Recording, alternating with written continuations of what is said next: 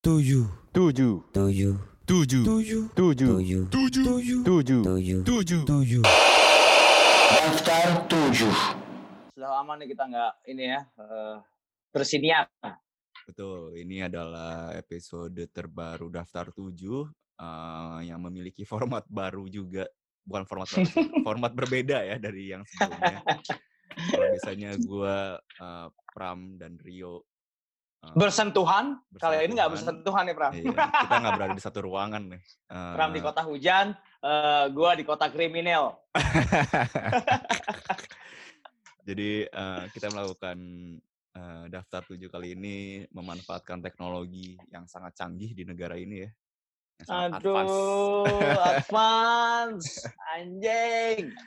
Internet ini tolonglah Bill Gates jangan ada Iya, intervensi Kita ngomong- intervensi. kita nggak ngomongin lo kok, Bill. Tenang, Bill. Asik Kita Bill. ngomongin lo kok, Bill. Siap Bang Bill. Nah, di daftar tujuh kali ini kita akan sesuai dengan apa yang kita lakukan sekarang di proses rekamannya, kita akan eh, mengumpulkan tujuh lagu yang kami persembahkan untuk para eh, pilar garda depan ya, ya, yang Iya, betul. Yang beririsan langsung gitu dengan virus COVID-19 gitu. Ya, kita memberi semangat kepada mm, apa ya tujuh sektor yang paling depan beririsan, yang ber- siap mati sih kalau menurut gue sih mereka nih bekerja dan siap mati gitu. mengorbankan hidupnya ya, hidup dan mati gitu. Jadi kita sama-sama tahu bahwa eh, sebenarnya virus ini memengaruhi seluruh orang di planet ini gitu. Tapi ada tujuh, ada tujuh pihak yang menurut kami ini sangat berdekatan dengan virus tersebut Ya. untuk eh, menaklukkannya gitu.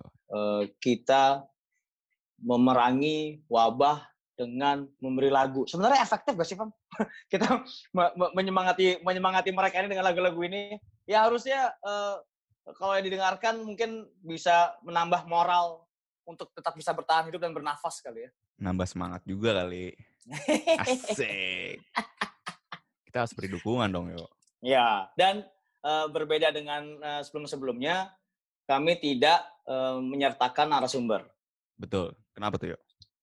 karena bu- ini benar-benar eh, kami memilih lagu-lagu ini berdasarkan eh, apa ya pemikiran subjektif, Eh, tidak perlu narasumber lah, karena ini hawa nafsu kami terhadap eh, eh, kebencian terhadap COVID-19. Lagi pula ya pasti sesubjektif-subjektifnya kita juga pasti relate lah ya karena semua orang mengalami gitu sekarang. Jadi eh, oke ya lah ya langsung aja lah ya. Ya, Nggak perlu tanpa basa-basi nih. sorry gue batuk ya. Waduh, untung ya social distancing, bos. Oke, langsung nomor tujuh.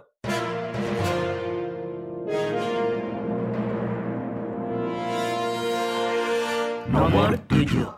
Oke, di nomor tujuh ini adalah eh, sebuah tembang industrial rock. Asik. Industrial Rock. Ini tembang udah 11 tahun lalu nih, Pram. Ini album terakhir mereka ya. Album terakhir mereka. Nah, Udah 11 tahun Eh. lalu. Ini adalah sistem kepemilikan dari Coil ya. Ini yang Ya. milih Rio nih.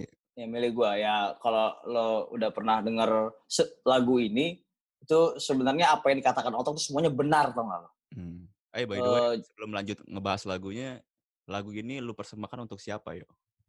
Eh, ini untuk pemerintah sebenarnya, Pram. Pemerintah ya. Pemerintah justru sistem kepemilikan. Hmm. Gua memilih lagu ini karena gue bertanya sebenarnya. Hmm. Sebenarnya kita yang memiliki negara atau negara memiliki kita sih sebenarnya. Hmm. Jadi kita mesti eh, apa namanya mengikuti mereka, tapi kok rasanya makin ragu dari hari ke hari ya Pram. ya.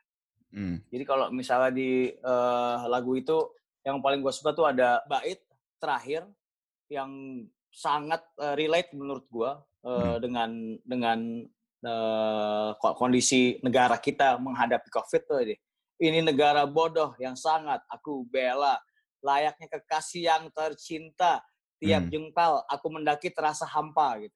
Sebetulnya apa yang kita miliki nggak ada sih dijawab sendiri tuh sama Otong tuh Hmm. kebanggaan terhadap diri sendiri nggak juga ya kan bro aduh Pram, lu kadang-kadang gue mau tanya kasihan deh lo Pram lahir di negara Indonesia.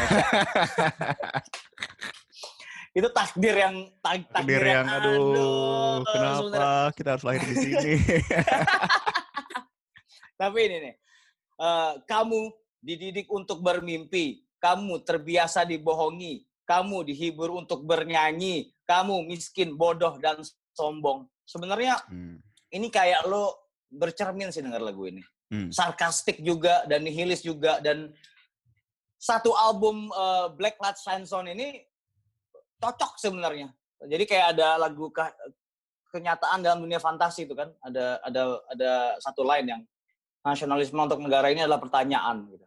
Hmm, Mantap. kita kita kayak komoditas tuh nggak lo sebenarnya disuruh nasionalisme digalakkan eh, dipekikan gitu tapi kok kita kayak dibodoh-bodohin aja tau nggak lo Khususnya di khususnya di situasi COVID ini ya bagaimana pemerintah menang, menangani po- apa penyebaran wabah ini gitu. Penyebaran Iya. pandemi ini. Menurut lu gimana ya? Eh, sekarang mungkin kan si eh, banyak polemik atau cerita lucu lah bisa dibilang ya yang terjadi di negara ini bagaimana pemerintah menanggulangi atau menahan eh, penyebaran pandemi ini menurut lu seharusnya gimana sih pemerintah ini harusnya menangani wabah ini gitu? gua ketika pemerintah memutuskan untuk tidak menerapkan lockdown sejujurnya eh, rada setuju sih Pram Hmm. karena em, tidak semua negara cocok untuk menerapkan lockdown gitu. Hmm. Kalau lihat aja contohnya di eh, India deh dan Filipina gitu. Ketika diterap yang oke India dan Filipina itu kan sebenarnya tingkat masyarakatnya dan ekonominya eh, sama kayak kita gitu ya. Eh, gap gap kemiskinan dan kekayaan tuh eh, sangat lebar gitu. Yang kaya kaya, yang miskin yang miskin gitu. Jadi ketika orang miskin disu- disuruh diam di rumah, tidak ada kehidupan dan segala macam, apa yang mereka lakukan? Keluar ke jalan, nodong. Contohnya kemarin di dekat stu, di dekat studio MWF nih, ada yang baru ditusuk pakai obeng, Pram. Buset. Jadi Itu yang ini jadi- yang dikeluarin dari penjara, bukan? gua gua nggak mau menuduh itu ya. Cuman Hmm. Kalau kita bicara tentang itu juga eh, 36 ribu eh, napi, eh, dikeluarin ya walaupun itu juga merupakan program asimilasi. Tapi gua rasa itu keputusan gegabah dari menteri kita sih. Dan Hmm.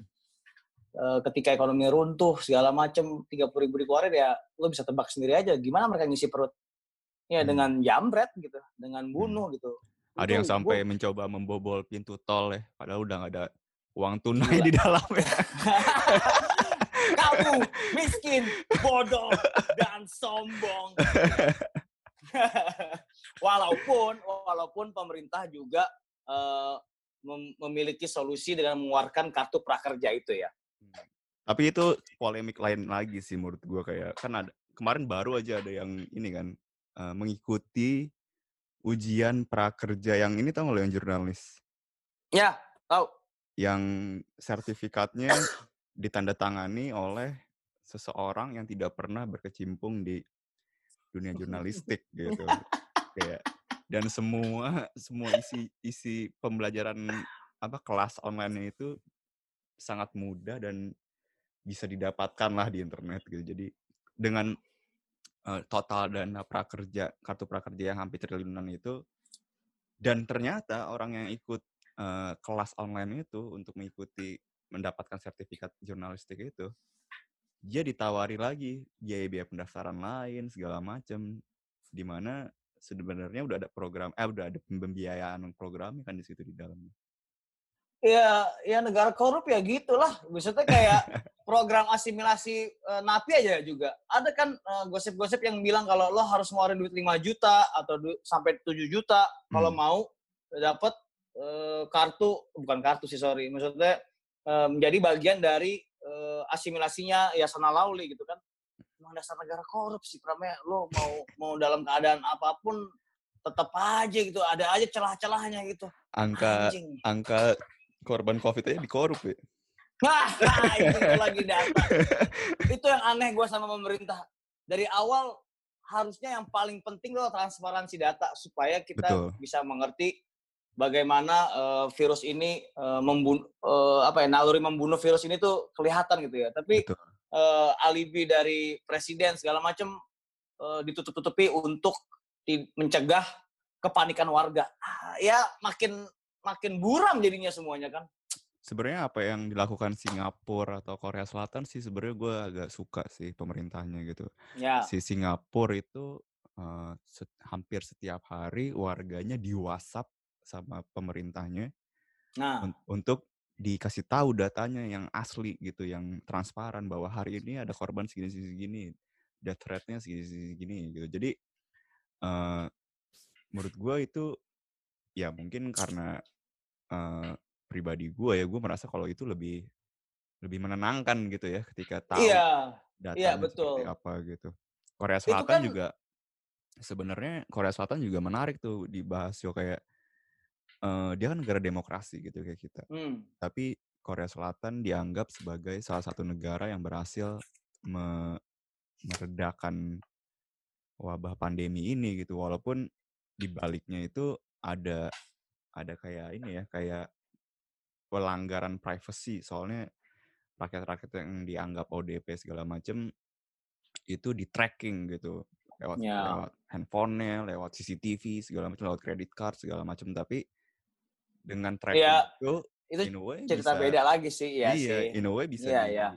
di tahu kan gitu bisa di oh yang ini lagi covid nih jadi nggak bisa nggak boleh ke sini dulu nih harus dipisahkan segala macam gitu Ya itu itu itu ada sisi positifnya. Tapi sisi negatifnya kalau mengenai dengan eh, eh, metodenya Korea Selatan ya jadinya kita akan terus dimonitor ya, termonitor gitu ya. Hmm. Eh, Jangan-jangan setelah virus ini selesai kita akan tetap dimonitor. Jadinya Iya. kehilangan Lewat kebebasan microchip. individu. Iya kan? Lewat micro anjing microchip ya. katanya gitu kan Iya, Gates iya, akan menemukan vaksin Anjing, ini ini semua gara-gara sih sebenarnya nih.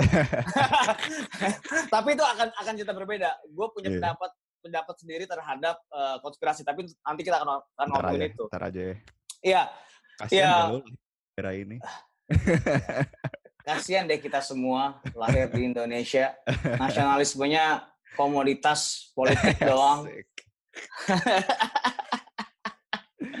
Ya, ya walaupun sekarang kita eh, menerapkan PSBB, ya, Hmm. itu cukup cukup cukup eh, efektif karena di Jakarta akhirnya mampu menekan eh, angka eh, yang terjangkit gitu, karena eh, ada banyak pengawasan, kayak ada ada pos-pos keamanan di mana-mana, lalu diterapkan beberapa aturan seperti denda dan segala macam dan angkutan umum juga dibatasi. Menurut gua itu yang efektif dibandingkan lockdown. Hmm. cuman Walaupun kadang rakyatnya walaupun ini ya berontak semua ya kayak tetap berontak apa ini nih bebal dong gue bacot nih pemerintah nih gue mau keluar nih gitu. Tapi ya karena simpang siur itu tadi lah, gue sih jadi merasa kayak kok pemerintah kayak nggak punya wibawa ya Pram. Nah itu tuh masalahnya eh, pemerintahan daerah dan pemerintahan pusat tuh kayak nggak satu suara gitu yo. Jadi kayak kayak masalah ini deh masalah yang waktu awal-awal di Jakarta yang MRT itu. Ya. Ada yang MRT eh, Transjakarta segala macem operasionalnya mau di di apa ditekan gitu jam operasionalnya tapi pemerintahan pusat belum memberi himbauan ke perusahaan-perusahaan di Jakarta untuk menerapkan work from home gitu. Jadi malah makin membludak setiap satu bisnya gitu, setiap satu keretanya gitu. Ya itu kan akhirnya ketika pemerintah tidak berwibawa di depan uh, warga negaranya wajar kalau mereka pada bandel dan bebal gitu. Contohnya Vietnam deh. gue tidak bisa tidak mau berbicara tentang ideologi ya. Maksudnya mereka kan komunis, kita demokrasi. Tapi ketika negara komunis itu rakyatnya sangat hormat uh, atau takut Iya. terhadap Tipis tuh beda pemerintah tipis gitu. tuh. Iya beda tipis. Tapi ujungnya mereka apa ya percaya 100% terhadap pemerintahnya bahwa tidak ada yang dikhianati gitu. Kalau Hmm. kita kan karena demokrasi jadi eh, semua orang berhak berpendapat, semua orang berhak menuduh masing-masing gitu kan ya, atau berhak punya punya opini gitu kan. Oh iya, dan ditambah juga eh, budaya membohongi tadi itu. Dan Hmm. dan satu hal yang paling ini ya akut ya korupsi itu tadi. Akhirnya ya udahlah eh, toh juga eh, pemerintah emang mikirin kita kalau kita nggak makan gitu kan ya. Misalnya Hmm. gitu ya. Eh, ya udah gue keluar aja gitu. Eh, satu juta satu juta rupiah per per orang. Gue rasa itu cukup nggak untuk hidup sebulan menurut lo Pram? Itu kan yang dijanjikan pemerintah gitu ya Kalau kalau masalah- makan pakai ayam bakar setiap hari ya nggak cukup sih bayar kosan aja nggak cukup bos. Iya, iya benar. Iya, ya kan. Apalagi ditambah eh, kalau lo sekarang nih, kalau lo mengkritik atau misalnya menyatakan pendapat lo tidak setuju de- dengan pemerintah, itu pasal karet undang-undang ITE bisa dijeratkan ke Aduh, lo gitu. Itu undang-undang yang ini ya ke mana-mana Kita- bisa nyamber ya. Rasanya lebih komunis dari negara komunis nih demokrasi kayaknya. kalau misalnya lo mengkritik aja itu bisa kena gitu, bisa kena Iya. penjara gitu. Iya. Dan masuk penjara di era Covid, men, lo udah pasti kena kayaknya. Iya, kita kita sama-sama tahu bahwa penjara sudah kehabisan ini ya, Ruang. ruangan di Iya. dalam ya. Ya udahlah, inilah. Makanya. Tapi inilah eh, takdir yang kita hadapi.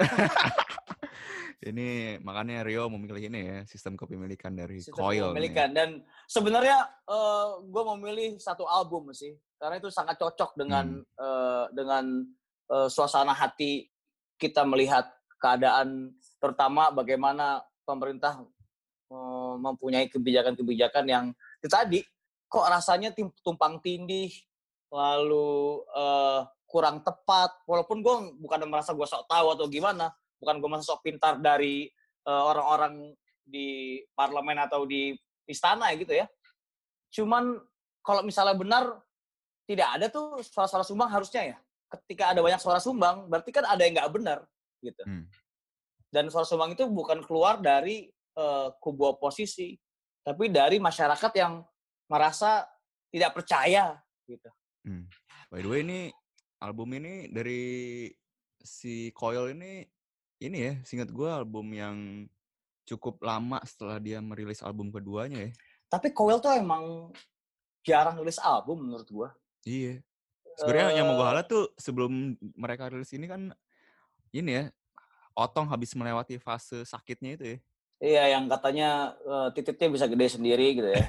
Nggak bisa ngomong ya nggak eh, nggak bisa ngomong terus gue gue pernah nonton Otong dia tidak bisa berjalan jadi dia naik ke panggung gitu ya Hmm. eh, dengan dengan kesusahan berjalan gitu dan Hmm. dia pakai tongkat gitu ya dan dia tetap bernyanyi gitu dan itu di saat gue nonton itu di adrenalin itu ya di era-era bahkan ketika album ini rilis pun Otong masih Tahu tapi berkali-kali kena serangan sporadis dari yang yang nyantet tahu sih kalau Iya, nonton udah pasti tahu harusnya ya. lah. Rahasia umum lah. Cuma kita nggak mau nyebutin. itu ya nomor tujuh ya. Koril dengan sistem kepemilikan yang dipersembahkan untuk eh, kawan-kawan kita di pemerintahan. Asik dari kawan. album Black Light Sunshine On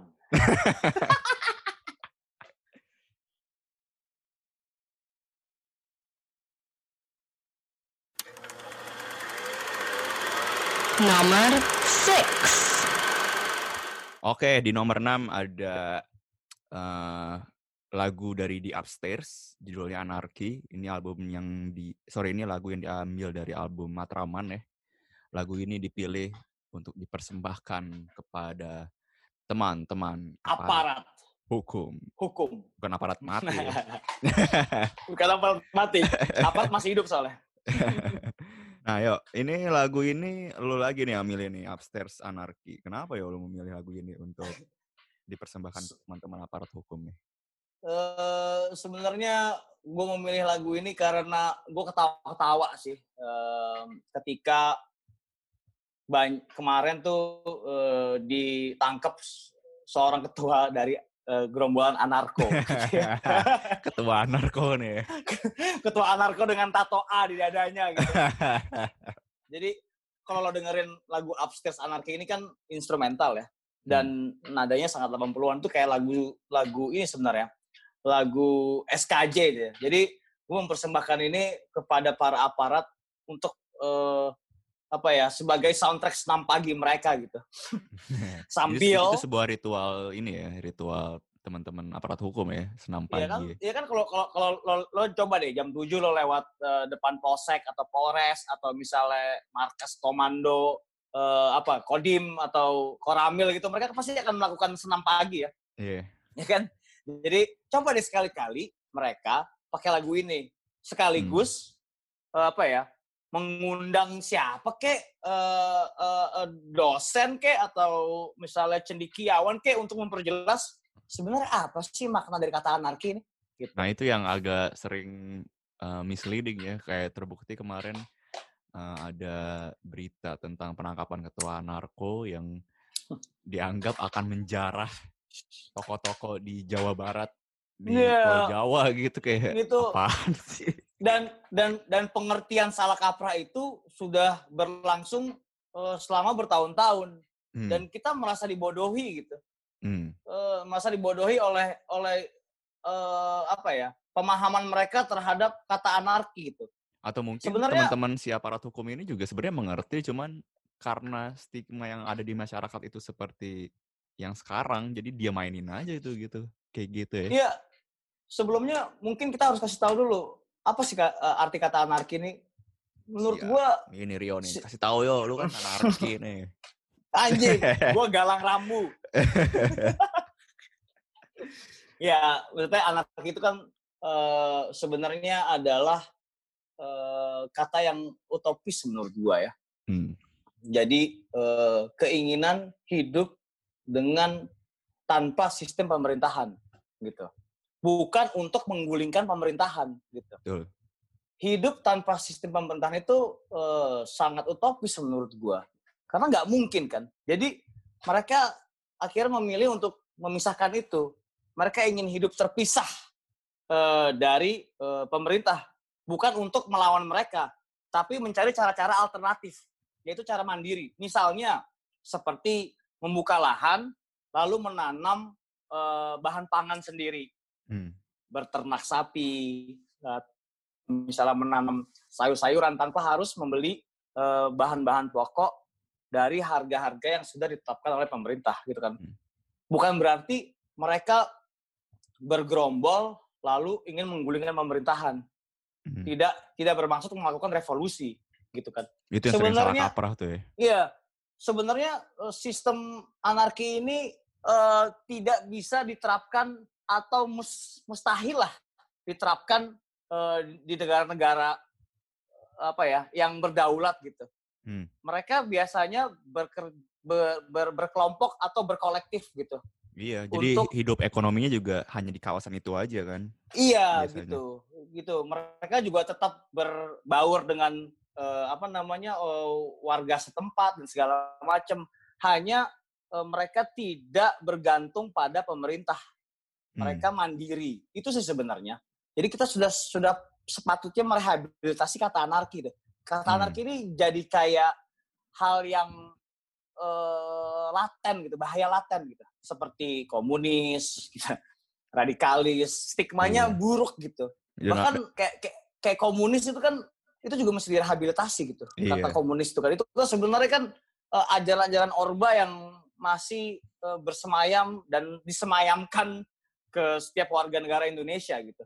Gara-gara ini kali dihantui film G30 SPKI ya. ya bahkan film itu aja udah tidak ditayangkan lagi gitu kan. Iya. Itu sebenarnya film itu harusnya dari dihapus gitu. Udah tidak boleh di tidak boleh di eh, oke oke bukan dihapus. Boleh di boleh ditampilkan Dikaji. lagi. Tapi ya, tapi mungkin harus dikaji ulang gitu. Hmm. Atau kita harus em, apa ya namanya? eh memperbaiki sejarah dulu lah gitu. Jadi Hmm. warga tuh cerdas gitu.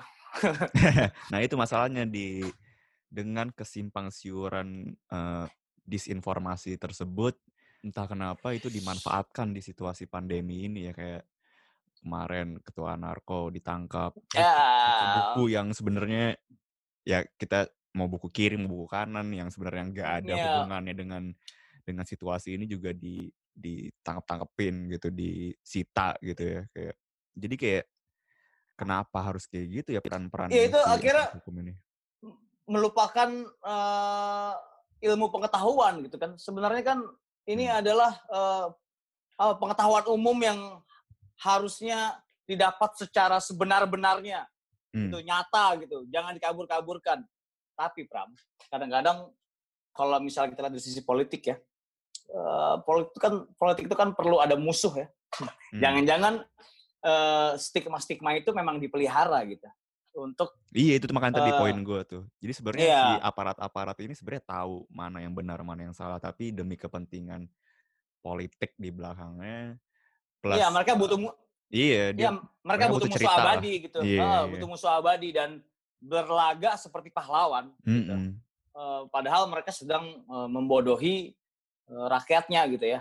Kadang-kadang Iya. gue kayak, kayak kemarin gitu, komentar gue eh, terhadap eh, tertangkapnya ketua narko ini kan, yang Hmm. ini sebenarnya polisi yang bodoh atau tentara yang bodoh, apa mereka yang menganggap kita bodoh ya? Iya. Gitu kan. Kalau gue sih itu poin terakhir sih, kayak mereka menganggap kita bodoh, nggak tahu.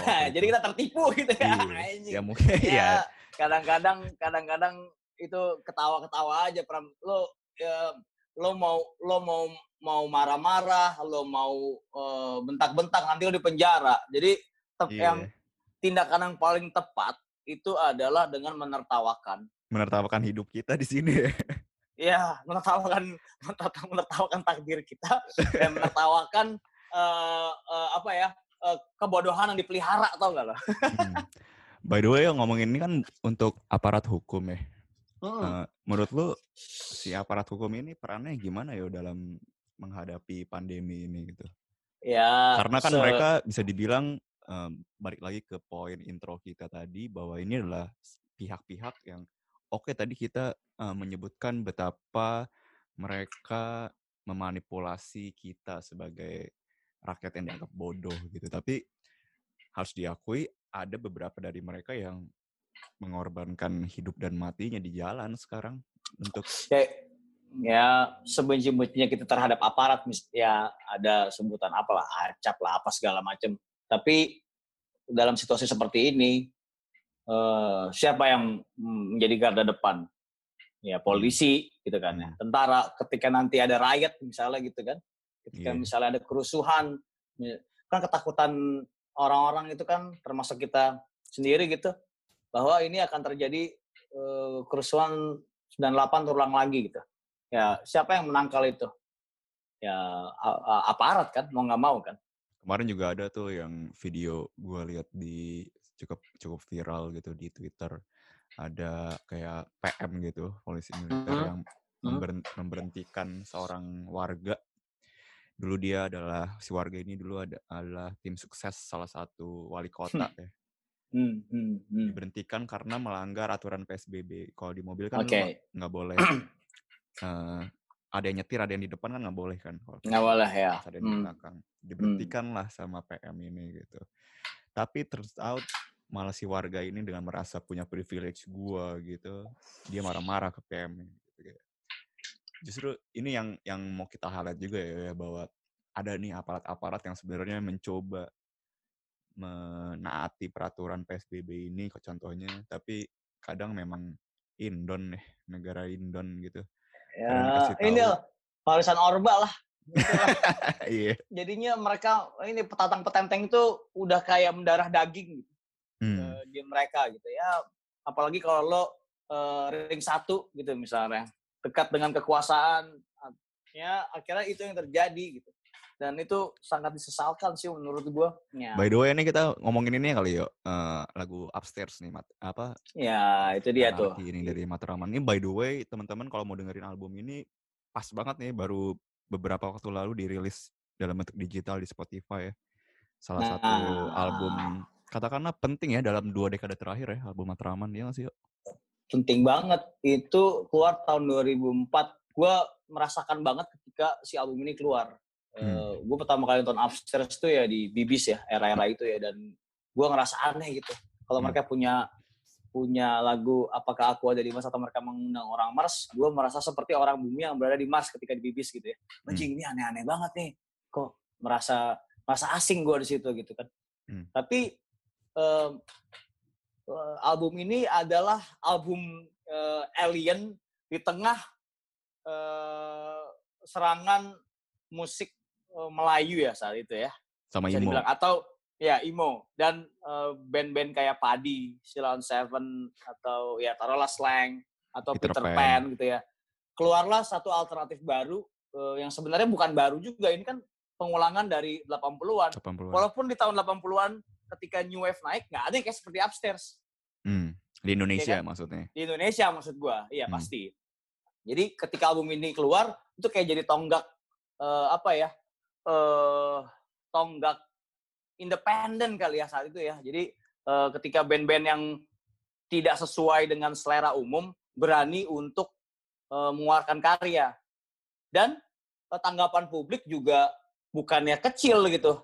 Hmm. Jadi seniman atau musisi sama hausnya dengan eh, publik gitu betul. bahwa kok bosen ya dengerin lagu-lagu cinta kayak ya kayak Peter Pan dan segala macam. Upstairs mengeluarkan lagu cinta modern pop gitu. ya kan? Eh, Jimmy eh, ya dia menganalogikan apa ya jatuh cinta dengan eh, perempuan berambut bob gitu kan.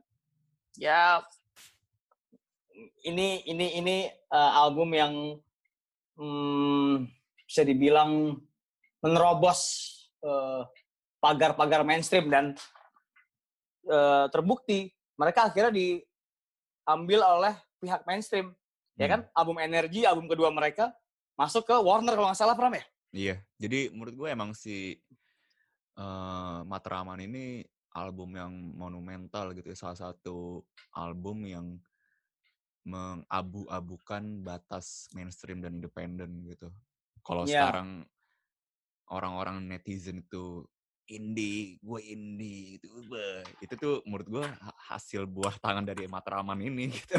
iya salah satunya Salah satu. ada juga kan eh, selain eh, si ini ada Sigit ya taruh lah ya atau eh, Seringai White Shoes, Burger Kill, eh itu juga apa ya membuat eh, para yang punya selera musik aneh dan tanda kutip ya, punya kepercayaan diri untuk bisa keluar gitu Hmm. dari lobang gitu dan dan apa ya dan menawarkan sesuatu yang baru gitu dan yang menarik lagi menurut di sini juga anarki ini ada potongan-potongan film diambil gitu dari transporting Hmm. itu eh, itu sebenarnya eh, sangat cocok dengan adegan eh, dengan apa situasi saat ini gitu kan Eh, dia bilang eh, ah dia bilang apa ya? Pokoknya dia bilang semuanya berubah gitu. The drugs and the drugs change. Semua eh, situation is change. Jadi semuanya berubah gitu ya. Dan sebenarnya eh, cocok juga gitu bila bila disandingkan dengan situasi hari ini gitu. Menuju normal yang baru nih. itu ya menyedihkan sebenarnya si normal baru tuh. Aduh. Itu adalah lagu Anarki dari The Upstairs. ya anarki. Ya Salah dan kita berharap bapak-bapak aparat eh, tetap eh, sehat Yes. tetap bugar supaya bisa menjaga keamanan dan stabilitas umum gitu ya kan ya bahkan Yes. kalau misalnya pun pandemi ini panjang dan kondisi makin Memburuk memburuk, ya. gitu. Eh, dan ini gejalanya udah terlihat dari sekarang. Jadi Pak polisi, Pak tentara, gitu kan, Bapak-bapak hakim, Kamra atau Satpol PP gitu ya, Pak PM. Satpam juga, ya Iya. itu Hansip eh, semua ya. ya, ya. Kita menaruhkan harapan di pundak kalian Ya. gitu. ya jangan bohongin kami lagi dengan eh, istilah-istilah anarki-anarki itu, tapi fokuslah menjaga keamanan. nomor 5. Masuk di nomor 5 nih. Eh, ada lagu, Nomor lima Ada lagu eh, Bin Idris dari Mas Haikal ya. Azizin berjudul Jalan Bebas Hambatan dari album self title ya, salah satu album terbaik Ya. di 2016 nih. Ya, Lagu ya, ini setuju sih gua. lagu ini kami pilih untuk kami persembahkan kepada eh, teman-teman yang masih bekerja dalam lingkup transportasi nih yo. yo. Ya, ya. Ya, ini lagu Pram yang milih nih, ngomong-ngomong. Iya, gue memilih lagu ini ya seperti tadi yang gue bilang sih ini kita melakukan self quarantine gitu ya, swakarantina gitu. Sedikit banyak terbantu oleh eh, katakanlah transportasi online gitu ya yang masih Oh sangat sangat banget sangat banget. mengantarkan kita makanan, barang-barang atau eh, mengantarkan kita dari satu tempat ke tempat lain gitu. Jadi eh, lagu ini gua pilih gitu ya. Dan menurut gue sih liriknya lumayan ini ya, lumayan lumayan cocok gitu ya dengan. Gue langsung inget orang mudik tuh nggak lo? Eh, Benar. Dengar lagu ini. Sebenarnya kan lagunya tentang mudik kan sebenarnya. iya sebenarnya lagunya tentang eh, perantau ya, seingat gue sih Hmm, perantau hmm. yang digambarkan situasinya ketika ingin mudik, ingin pulang ke rumah gitu. Nih kalau gue eh, coba sebut liriknya nih ya, sambil Ya. bernyanyi lagu favorit yang kau ulangi lagi, tak perlu terburu-buru, dia pun sudah kepalang pintu. Sedikit terlambat, yang penting selamat. Ya, itu kayak di dalam jam. bis bis Lorena gitu ya. terus lo ada di jalan tol gitu, terus lo dengerin eh, apa ya dari iPod lo. Oh iPod, Iya. gitu udah ada pakai iPod kan ya. Gak ada cuy. dari suara. Udah baru Pakai nyebutnya Spot- bis Lorena, iPod Oh, iya. Ketahuan banget nih Oh, iya. pengalaman empiris. Tapi ya benar. Eh, ya, ya pakai Spotify ya kan, naik travel. Nah, udah beda. Terus habis itu lo ada di jalan tol lo lihat gitu, lo lo inget inget eh, ibu dan bapak di rumah gitu kan. Hmm, Eh, suasana lebaran masih puasa gitu kan. Ya ini Iya. ini lagu yang ketika lo mendengarkan langsung eh, teringat eh, scene itulah gitu ya. Adegan Iya. itu langsung teringat gitu. Terus ada eh, mungkin kalau lo eh, beli tiket yang kebagiannya yang nggak pakai AC, panas-panasan gitu di dalam bis gitu kan. ya. Tapi tetap enjoy. Iya.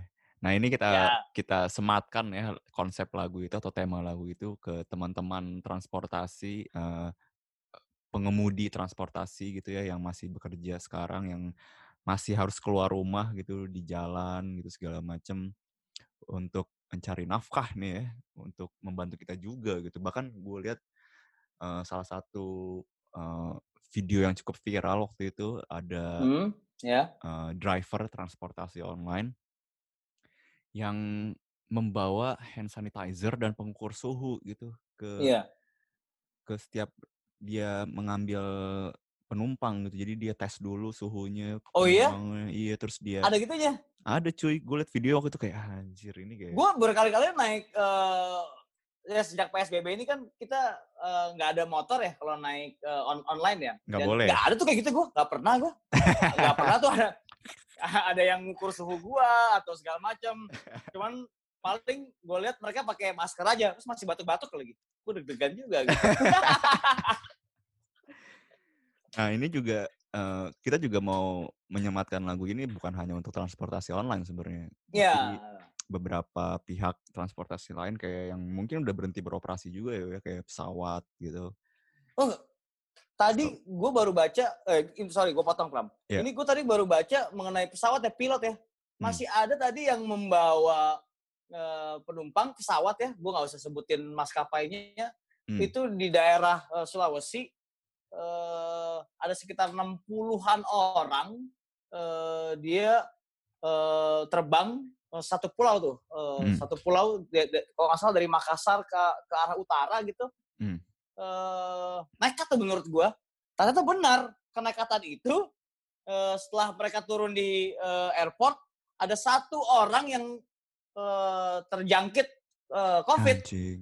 Terus Akhirnya seluruh orang yang berada di pesawat itu nggak bisa pul- keluar dari bandara. Mereka harus kena karantina, karantina di dulu bandara ya, sampai sekarang. 14 hari ya. Jadi kan, iya, satu orang. Itu sebenarnya menurut gua nekat juga gitu, masih Iya.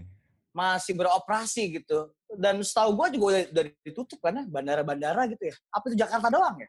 Setahu gue sih udah sih harusnya Iya antar kan? kota gitu udah nggak boleh, keluar negeri juga nggak boleh. Mm-mm. Ada pertimbangan boleh, tapi karantinanya sangat ketat segala macam. Kayak gue nanya sal- ke salah satu teman kita yang lagi di Singapura gitu ya. Mm-mm. Gue nanya sebenarnya lo bisa gak sih pulang ke Jakarta gitu? Dia bilang ya bisa-bisa aja sebenarnya. Pulang ke Jakartanya bisa, tapi dari Jakarta ke Singapura, kalau dia mau pulang ke Singapura lagi belum tentu. Dan eh, ketika lo sudah berpindah dari satu kota atau dari satu negara ke negara lain, itu kan ada karantina yang tadi lu bilang ada 14 hari karantina. Hmm. Misalkan teman kita ini dari Singapura ke Jakarta, dia di karantina di Jakarta 14 hari dulu sebelum Hmm. bisa melakukan aktivitas. Kalau dia mau pulang lagi ke Singapura, dia harus di karantina lagi di Singapura 14 hari gitu. Jadi total sudah setengah bulan dia dihabiskan hanya untuk satu Mm-mm. flight gitu ya. Di karantina gitu. Jadi Itu worth it. perjalanan panjang juga ya perjalanan ya. Perjalanan ke Singapura doang. Iya, padahal Eh, cuma satu jam perjalanan sebulan. gitu ya. Jadi setengah bulan gitu sekarang. Jakarta, Jakarta Singapura ditempuh dalam waktu setengah bulan. iya, makanya Cuma jadi kayak terjadi di saat corona. iya dan eh, balik lagi sih kayak itu semua nggak berjalan lancar akhirnya kayak yang tadi lu bilang di Sulawesi masih ada yang nekat. Mungkin karena pemerintahan daerahnya juga Ya berbeda-beda kan. balik lagi nggak nggak disiplin gitu ya kayak kemarin kan sempat juga tuh yang heboh KRL ya yang Pemdanya ingin KRL komuter lain itu diberhentikan beroperasi sedangkan Ya. Menteri Perhubungannya pengen ini tetap jalan gitu itu Menteri Perhubungan berarti apa? Luhut Panjaitan dong ya sekarang. ya, pelaksana Menteri Pelaksana Perhubungan. Luhut Panjaitan tuh presiden negara ini bro Bisa nggak kalau gue bilang Luhut Panjaitan? Ini ini sebenarnya bukan gue ngomong sih. Yang ngomong ada tokoh namanya Faisal Basri ya. Bahwa Hmm. Luhut Panjaitan lebih berbahaya daripada virus COVID. asik tapi lebih bahaya mana daripada Bill Gates nih Eh, by the way eh, ya itu tadi eh, baik baik lagi ke ke pemerintahan yang tidak tegas ya bahwa itu yang membuat mungkin kayak PS peraturan PSBB tidak di ditaati dengan baik kayak ketidakjelasan antara Pemda dengan pem- pemerintahan pusat tuh kayak gue pernah baca kemarin PSBB di Bandung gitu ya ada Ya. Keluarga PSBB kan kalau lu satu KTP tujuannya satu tujuan satu rumah itu masih diperbolehkan gitu. Tapi kalau eh nggak satu KTP gitu segala macam baru lu harus dilarang itu bareng-bareng. Nah di Bandung kemarin gue sempet baca ada yang sebenarnya tujuan tujuannya sama nih satu rumah satu KTP segala macam. Tapi diberhentikan karena peraturan PSBB gitu ya dan penumpangnya disuruh turun disuruh turun Ya. tapi disuruh naik angkot gitu kayak Loh, tambah caur dong kalau Iya. gitu. makanya kayak itu tadi gue sebenarnya mau ngehalat kayak dari pemerintahnya kadang suka nggak jelas gitu simpang siur sehingga akhirnya rakyatnya juga jadi bingung kayak sekarang nih kayak tadi gue liat di beberapa sosial media di Jakarta khususnya PSBB ini udah mulai melentur gitu udah pada kuningan udah macet lagi Sudirman udah mulai Wah, iya, segala itu macem. dia. jadi kayak Itu dia. gue nggak tahu deh ini eh, harus kayak gimana ya si PSBB ini soalnya mungkin rakyatnya juga jadi bingung karena nggak tegas gitu si pemerintahannya gitu tapi walaupun walaupun yang melanggar PSBB dikenakan denda 100 juta atau minimal penjara satu tahun, Bro. mm-mm, makanya kayak itu dia tuh walaupun dengan adanya denda itu ya kemarin gue sempat kan gue sempat dari Jakarta gue baru beberapa minggu lalu kan pulang ke Bogor akhirnya. Lo juga bandel. tapi gue ini gue menaati menaati lah apa yang dilakukan eh, apa yang dianjurkan dari PSBB kalau naik motor itu lo harus pakai masker lo harus sendiri lo harus pakai sarung tangan segala macam. Itu gue gue taati. Tapi dari di perjalanan itu gue melewati beberapa tenda PSBB yang kosong yo jadi Wah. ini beneran ada nggak sih PSBB sebenarnya Buat kayak tak buat takut-takutin kali.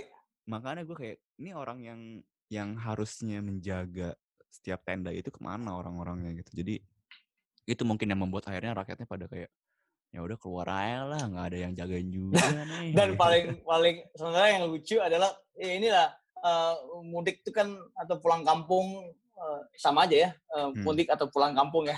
atau beda, Bro. itu kan eh, eh, budaya kan. Lo nggak Hmm. tahu lo sama kayak Jokowi lo nggak tahu pulang kampung sama mudik itu sama. justru dia tahu cuy apa bedanya Oh iya. tahu tapi salah gitu ya. Iya.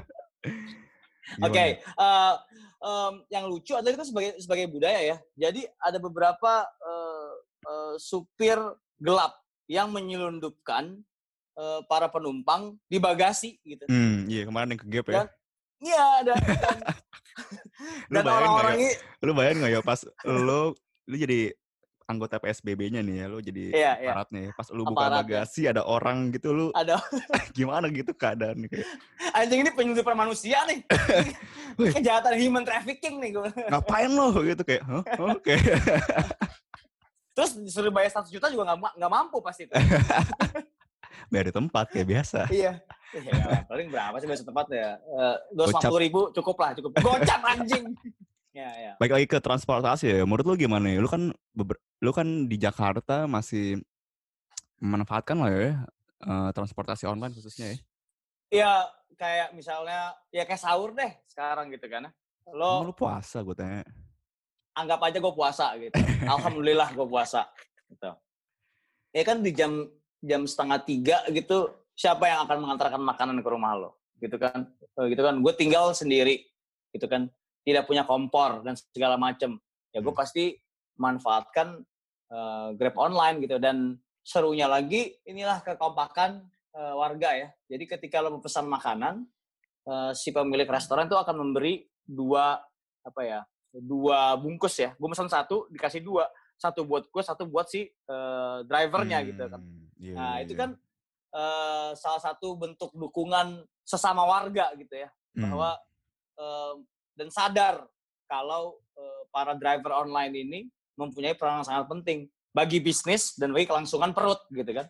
Betul dan balik lagi ya ke eh, tema kita bahwa mereka itu setiap hari harus sangat berdekatan gitu dengan virus ini mungkin ya setiap harinya dalam mengantar orang, ngantar makanan, kita tapi ya tahu. jangan lupakan juga risikonya bahwa mereka juga bisa menularkan kepada kita gitu ya betul, ketika betul. lo menerima makanan itu jadi gue berpikir jangan setiap gue habis terima makanan dari eh, driver online gue mesti mandi atau gue mesti Makanya kan tangan gitu kan di kalau di kalau lu lihat di aplikasi transportasi online tuh Ya, setiap lu ada, habis ya. pesen itu ada anjuran kalau. Minta drivernya untuk menaruh makanannya di depan rumah gitu. Dan kayak misalkan Iya. lu sa- ada salah satu restoran yang waktu gua pesen juga lewat driver online di era pandemi ini eh dia membungkus makanannya eh, double gitu ya. Dan di Hmm. di plastik yang paling luarnya itu ada kayak ada stiker gitu. Dia bilang sebelum masuk ke rumah eh, robek dulu plastik ini buang cuci tangan baru bawa masuk makanannya kayak gitu. Jadi balik lagi ke poin lo tadi bahwa kesadaran sama-sama rakyat gitu ya. Terbentuk khususnya kekompakan ya? Ya, kekompakan gitu. Dan transportasi online punya peran yang cukup penting di dalamnya gitu ya. Ya ya ya. Yang nggak bisa kita eh, ini kan juga apa ya eh, lupakan juga eh, seperti apa Benny Idris ini eh, sebagai seorang musisi ya. Ah bener nih. Ini menarik juga nih Itu dibahas nih. selain eh, masalah hmm, transportasi online eh, dan si Ben Idris ini menyanyikan sebuah lagunya dengan apa ya dengan atau bukan tentang bukan hanya tentang lagu Jalan Bebas Hambatan saja tapi secara keseluruhan dia punya karakter yang unik sebagai penyanyi folk ya dia Bener. sebenarnya antitesis dari eh, kopi senja Wah, Asik. Ma- i- Makanya gue sebenarnya agak ini sih agak agak sedikit kecewa ketika banyak orang yang membicarakan folk dekade kemarin ya 10 tahun kemarin gitu ya. Tapi lampu sorot tuh sangat sedikit gitu mengarah ke, ke Idris ini ya gitu. ke Idris ya ya Hmm. dia underrated lah menurut gua Iya, dia- underrated banget. dan memang memang kalau lo bicara termin folk gitu ya Hmm. Ben Idris ini eh, tidak mencerminkan seperti eh, sebut aja siapa sisir tanah atau Hmm. misalnya Endah Resa gitu atau Hmm. misalnya siapa eh, di ini hari atau yang paling radikal sekali sekaligus gitu eh, sekalian eh, Jason Ranti gitu ya Hmm. karena menurut gue Ben Idris tuh kayak apa ya lebih dreamy kali ya musiknya ya dan Teler ya? dan teler tapi nggak teler gitu gimana ya? Orangnya nggak teler ya. teler tapi sober tuh gimana coba teler tapi sober gitu nah lu bayangin ada deh, lu bayangin deh bagaimana seorang Haikal Azizi bisa berada di level itu padahal dia nggak di situ gitu. Ya berarti kan dia udah punya tombol otomatis gitu tinggal di Iya. on off doang gitu kan Iya, iya. ya kan ya lo bayangin aja eh, Haikal itu anak pesantren cuy iya kan Yoi, itu makanya Iya bro, kan? azan sering-sering azan. anjing ngomong-ngomongin azan ya menurut gua ya ini ini di luar konteks musik nasional ya Iya.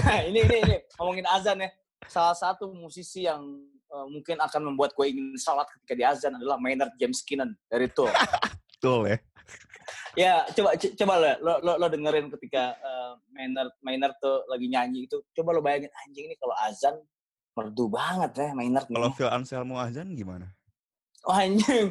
Wah itu mah sengau tuh aja itu.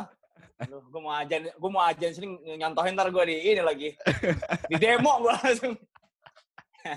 ya intinya intinya eh, eh, ketika mendengarkan Ben Idris juga tidak bisa dikesampingkan bandnya dia ya si eh, Sigmund ya. Sigmund ya. Itu juga menurut gue sayang banget ya tidak tidak secemerlang yang kita harapkan gitu ya band itu ya.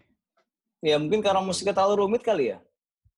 Enggak sih harusnya. Gue nggak tahu sih salahnya ada di mana. Entah mungkin eh, Atau bandnya nggak niat kali sebenarnya. Nah mungkin gue nggak tahu antara publiknya publiknya tidak menerima atau sebenarnya bandnya anggot-anggotan gue nggak tahu gitu. Cuman harusnya Sigmund maupun Ben Idris mempunyai lampu Iya, mereka sadar bagus punya- gitu. Oh iya, punya, harusnya mereka sadar punya lagu yang eh, keren gitu ya dan Hmm. bisa di ya, diandalkan. Iya, Dan labelnya Ya. Orange Cliff juga bukan label sembarangan gitu Iya, sih. kurasinya eh, inilah apa ya bisa diperhitungkan lah sebenarnya sih Kid. Tapi ya si Sigmund ini setelah keluarin album yang apa Ozymandias terakhir ya, Iya terakhir itu sisanya EP sisanya EP dan sama akhirnya single, single gitu. iya dan jarang manggung juga gitu. Iya. Ya satu hal lagi yang dari eh, Bin Idris tuh liriknya yang puitis, Pram. Benar, itu sih yang menurut gue kayak Bin Idris ada di realm yang berbeda gitu ya dari folk-folk kebanyakan gitu. Mungkin folk ya kita Ya. anggap folk adalah eh, tembang rakyat gitu ya. Tapi Nah, eh, ya. Bin, Bin Idris dengan eh, lirik yang puitis tetap terasa rootsnya gitu terhadap dalam tanda kutip rakyat gitu ya. Jadi Ya, ya, makanya ya. tadi ki- kita sama-sama sepakat bahwa sayang banget Bin Idris tidak tidak sebegitunya gitu di di game folk dekade kemarin gitu. Itu adalah Bin Idris Jalan Bebas Yes. Hambatan untuk eh, kawan-kawan transportasi.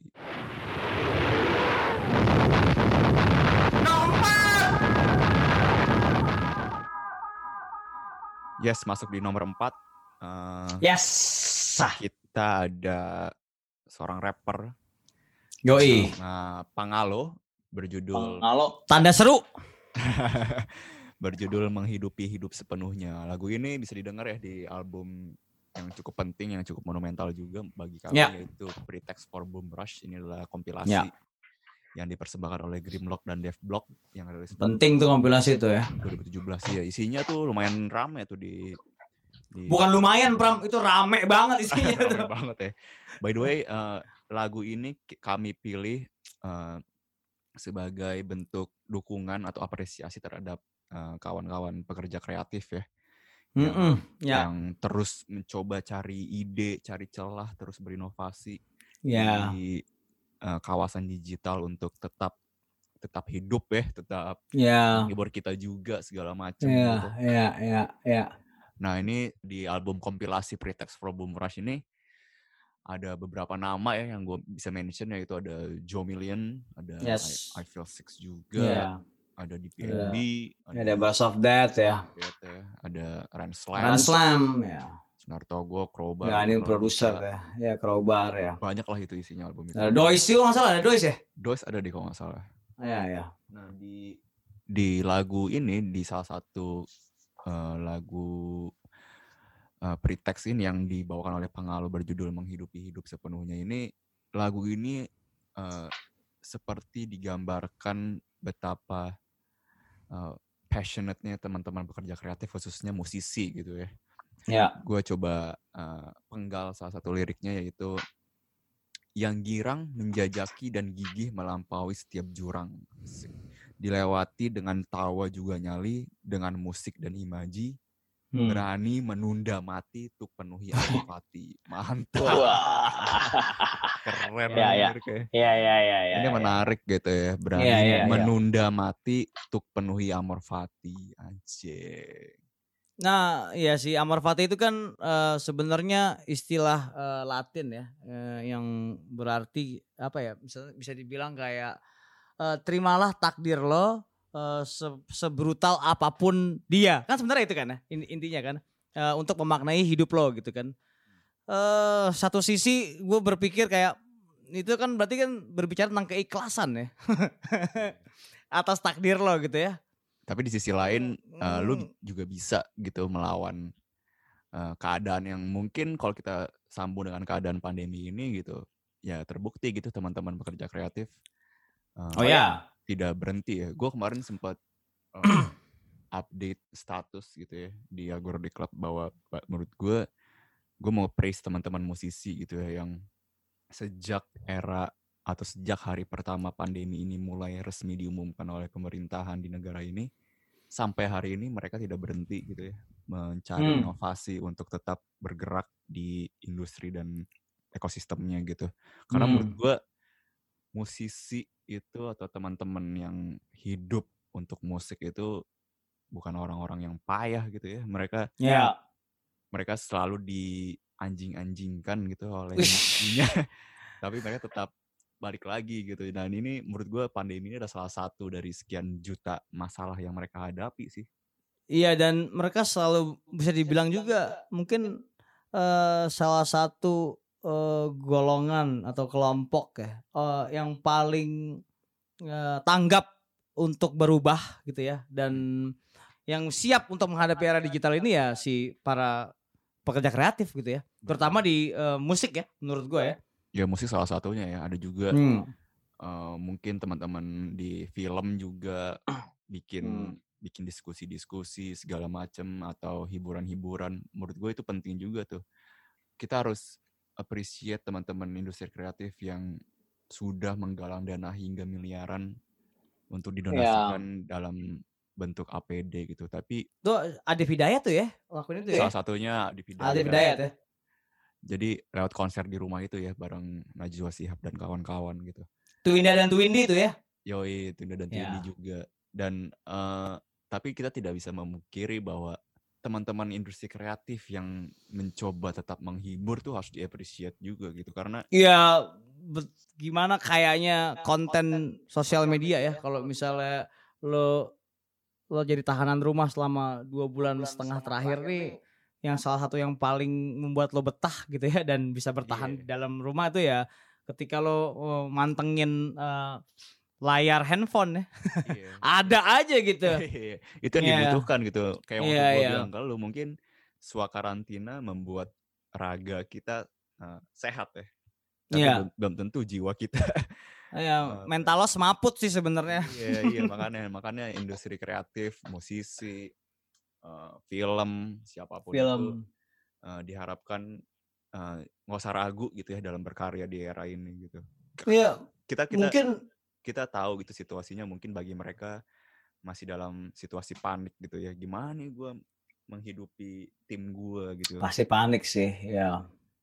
Cuman eh gue dan Rio sih ingin ingin menyemangati gitu loh ya teman-teman. Iya. Kita khususnya ya jangan jangan berhenti lah berkarya asik. ya salah satunya dengan eh, menjadi eh, koki dadakan lo lihat Ba- Ba, iya apa apa pun gitu. Maksudnya kayak ke- kemarin gue ngobrol sama gue sempat wawancara Jimmy Multazam gitu. "Eh, Jim, eh, gimana tuh eh, cara lo untuk bisa bertahan eh, di era pandemi nih? Terus dia bilang kayak ya gue gua mulai eh, eh, dia dan istrinya gitu ya, mulai jual-jual makanan dan segala macam. Terus juga kalau lo lihat kan eh, bahkan eh, barusan aja gue lihat eh, Andian Gorus jualan somai gitu. Hmm. ya misalnya atau eh, beberapa orang lainnya mulai masak kayak apa kan Ojo Chaos gitu mulai bikin show-show eh, memasak gitu kan Hmm. dan ya makanan merupakan salah satu eh, jalan keluar eh, dari da- musisi untuk itu selain juga tetap berkarya eh, melalui eh, apa ya kayak potongan 12 bar yang dilakukan oleh eh, Iwan Kronik tuh DJ eh, DJ Homicide tuh ya dan I Feel Six eh, dari Bandung tuh. Lalu ada juga eh, Danger Dog juga bikin dua- 12 bar. Lalu siapa lagi yang bikin kayak gitu, -gitu ya? Morfem kemarin juga kayak gitu ya kan? Indra Lesmana dan Dewa Bujana juga melakukan itu Pram ya?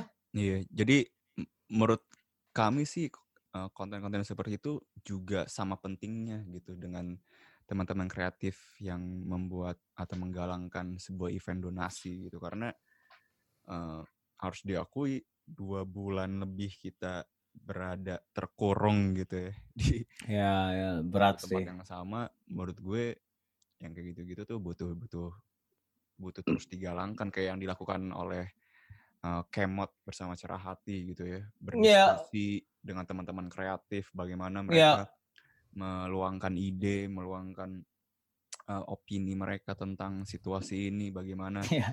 sampai Cerah Hati sudah memanfaatkan teknologi dengan uh, syuting tanpa ada uh, direkturnya gitu di Wah, oh iya Ram? Emang ya? ada, ada yang Edi Brokoli itu kemarin gue lihat jadi Edi, Oh, Broko- Edi oke. Brokolinya dikasih alat dikirimin alat terus Edi, Edi Brokolinya diminta untuk mengoperasikannya mandiri tapi dengan arahan dari teman-teman cerah hati setahu gue gitu. Oke, ya ya. Studio Rama juga gitu kan kemarin dia bikin yang sesi live gitu Iya ya. mereka uh, mempunyai dua alat set berbeda untuk video dan audio udah disiapin tuh manualnya segala macem kayak kemarin terakhir di depan Turas mereka kirim alat itu ke Jatinangor untuk di set secara mandiri oleh Iya, gua gua lihat tuh mereka main di kamar tuh ya. Si Iya. si siapa si Acin dan kawan-kawan ya. Acin ya. heeh. Nah maksud gue yang kayak gitu-gitu menurut gue sih eh, sangat ini ya menenangkan gitu. Solusi ya, maksudnya eh, mereka punya solusi untuk eh, tetap eh, melakukan aktivitas seninya gitu. Kemarin juga gue tahu ada teater juga mulai kayak gitu tuh. Eh, Hmm. kalau nggak salah yang main tuh Happy Salma tuh. Hmm. gue lupa apa namanya. Dan eh, dia mulai melakukan teater eh, secara online. Jadi yang nonton ya melalui melalui eh, layar handphone dan dipungut tiket, Pram. Hmm. Jadi kalau mungkin di awal-awal eh, mereka beraksi tanpa eh, ada pemasukan, sekarang udah bisa walaupun masih donasi ya. Berapapun bisa dan sekarang udah ada range harganya loh. Kemarin gue ada Iya. ada range harganya gitu loh. Eh, eh, berapa berapa gitu.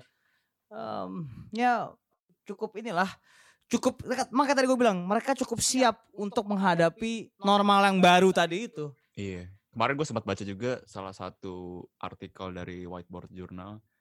Eh, mereka mewawancarai ahli ekonomi yaitu Catip Basri ya. Menurut dia, Ya.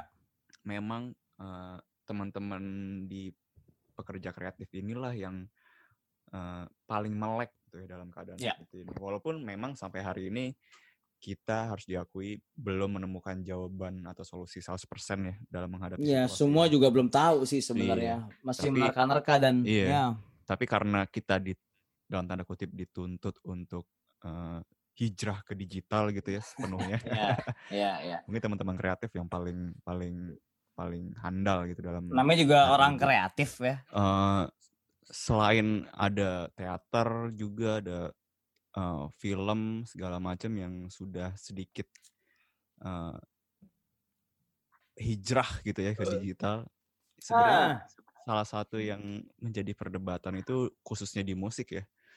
Apakah konser digital itu bisa diterapkan eh, dengan baik gitu di sini gitu dalam keadaan pandemi ini gitu. Menurut lu gimana ya?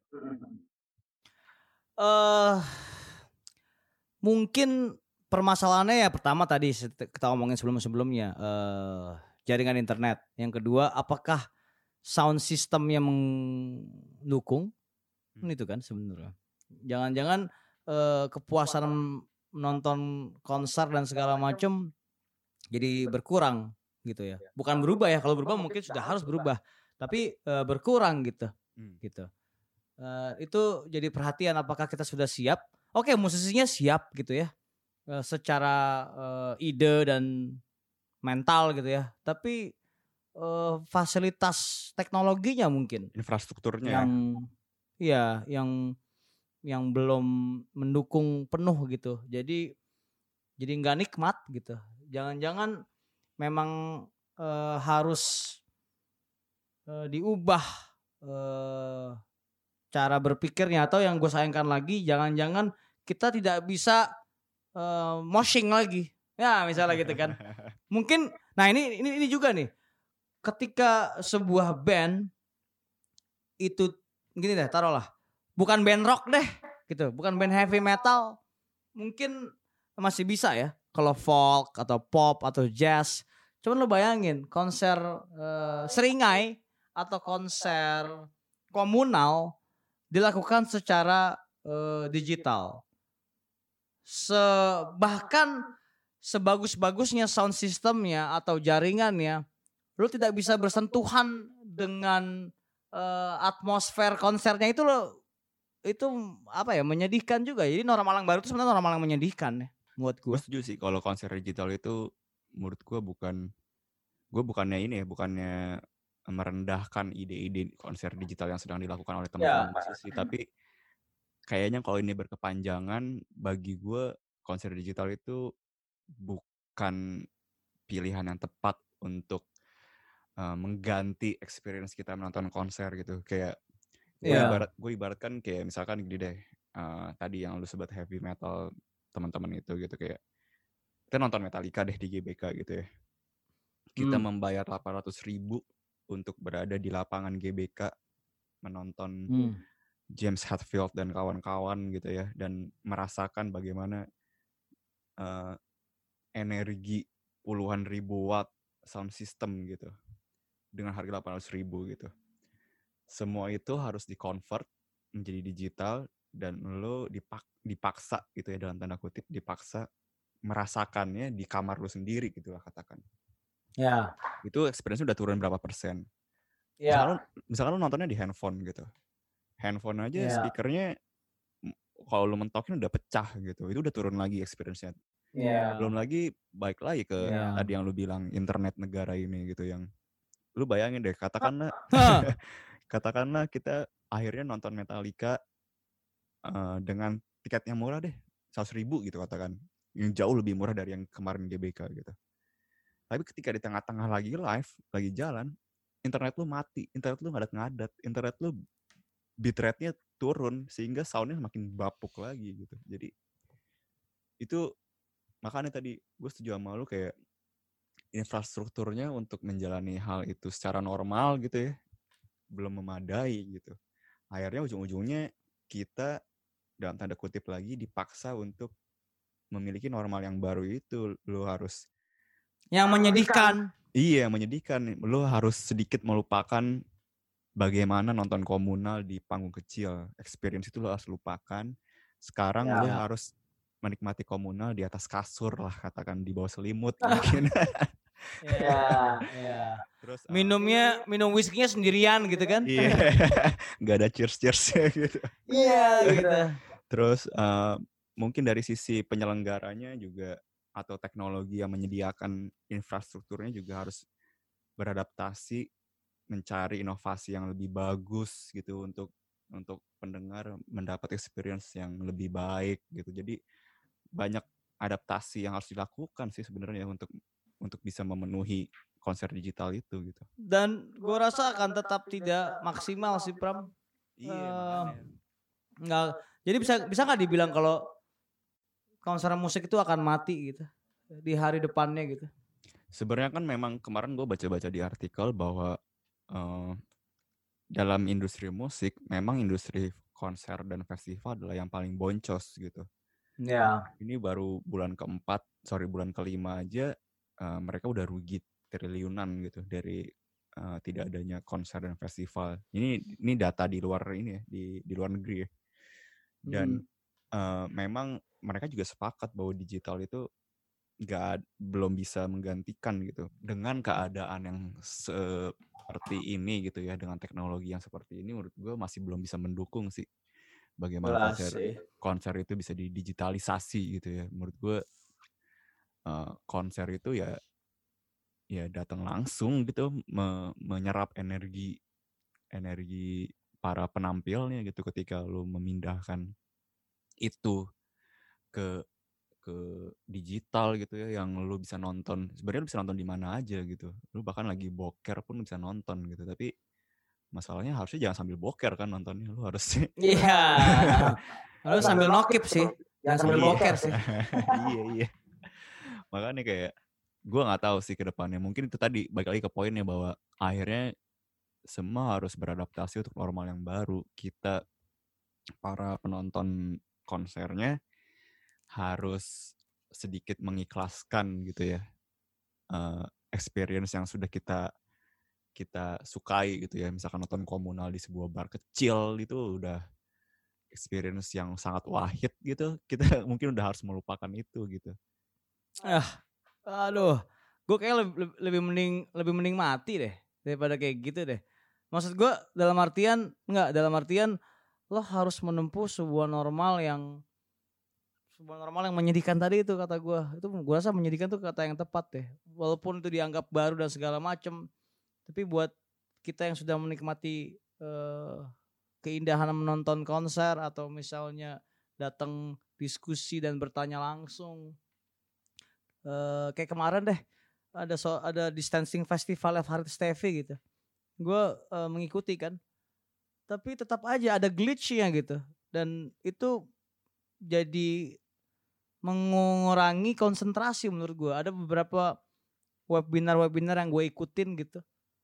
Itu terasa hambar menurut gue gitu iya benar dan semua opini kita atau kita punya pendapat itu nggak bisa keluar semuanya.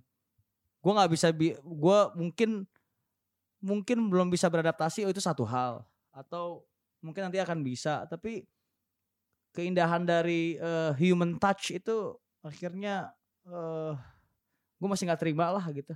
Makanya Iya. tadi gue bilang kenapa gue berharap hati mungkin gue nggak bisa bilang itu ekstrim juga tapi ya sudah nggak enak aja gitu. Akhirnya lo jadi makhluk yang individual sebenarnya makin individual gitu, Iya. gitu kan? Mungkin eh, jawabannya akan sedikit tercerahkan ketika teknologinya semakin advance gitu ya. Sekarang kan sebenarnya terbatasnya gara-gara teknologi kan. Ketika ya Ya, kayak kayak gue sama lo sekarang gini deh gitu. Kita ya, ya. hanya ha- ha- sebenarnya hanya saling berbicara dan menatap ke sebuah peranti keras kan gitu. Iya, gue cuman ngomong sama lo di depan layar doang gitu dan dan ya ya itulah oke. Ya, ya mungkin tadi seperti kata Pangalo ya, menghidupi hidup sepenuhnya. Amor fati fatum brutum. Jadi ya itu sebenarnya sebuah istilah yang eh, nggak tepat buat gue gitu. Eh eh, eh, kalau gue mengartikannya sebagai ikhlaslah dengan takdirmu, ah gila. Kalau takdirnya seperti ini, dan mau, mau diperjuangkan pun mentok gitu ya.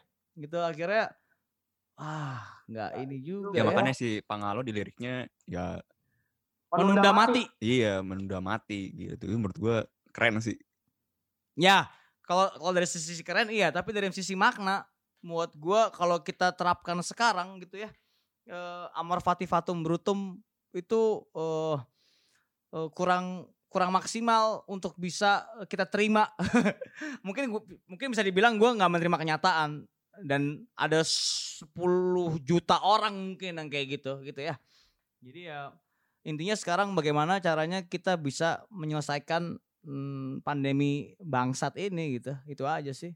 Oke, itu Pangalo ya. ya oh satu, satu hal satu hal. Satu hal lagi yang ketinggalan walaupun kayak gini menurut gua musisi jangan takut untuk mengeluarkan karya Nah itu tuh Jadi, poin yang tadi kita sebut. itu itu itu ya. penting walaupun oke lah konser mati eh, diskusi tidak maksimal segala macam tapi menurut gua untuk mengeluarkan karya misalnya mengeluarkan single atau album jangan jangan berhenti deh karena justru itu akan menjadi potret dari sebuah era gitu ya Hmm. ini adalah potret era eh, pandemi COVID-19 atau eh, corona gitu dan keluarkanlah itu supaya kita bisa kita bisa tahu, kita bisa mengingat dan kita bisa belajar dari sekarang gitu, dari dari hari ini gitu. Jadi semakin banyak eh, karya yang keluar, semakin kita bisa banyak belajar dari hari ini untuk masa depan. Menurut gue ya itu ya. Gue setuju sih kalau misalkan eh, betapa eh, album atau musik itu punya peran yang cukup penting dalam sisi psikologi gitu lah ya katakannya dalam Ya, keadaan pandemi ini. Itu Karena juga eh, gue baru menyadari eh, betul betapa pentingnya itu tuh ketika gue nonton ini agak keluar konteks sedikit dari Pangalo ketika gue nonton wawancaranya Fiona Apple yang belakangan ini Hmm. baru ngerilis salah satu album terbaik tahun ini Ya. Fashionable Hmm. Cultures itu Hmm. itu gue nonton interviewnya sebenarnya album itu dijadwalkan rilis di akhir tahun di- dia bilang antara Oktober Oke. gitu deh. Nah, ini menarik nih. Ya. Tapi eh, salah satu teman musisinya yaitu King Princess bilang bahwa eh, lu dia dia kayak nuntut gitu kayak eh lu jadi albumnya udah beres sebenarnya cuman jadwalnya tuh dirilisnya Oktober gitu. Dia Hmm. bilang kayak eh lu rilis deh album lu sekarang, lu rilis album lu sekarang deh karena orang-orang butuh album lu nih gitu. Ya.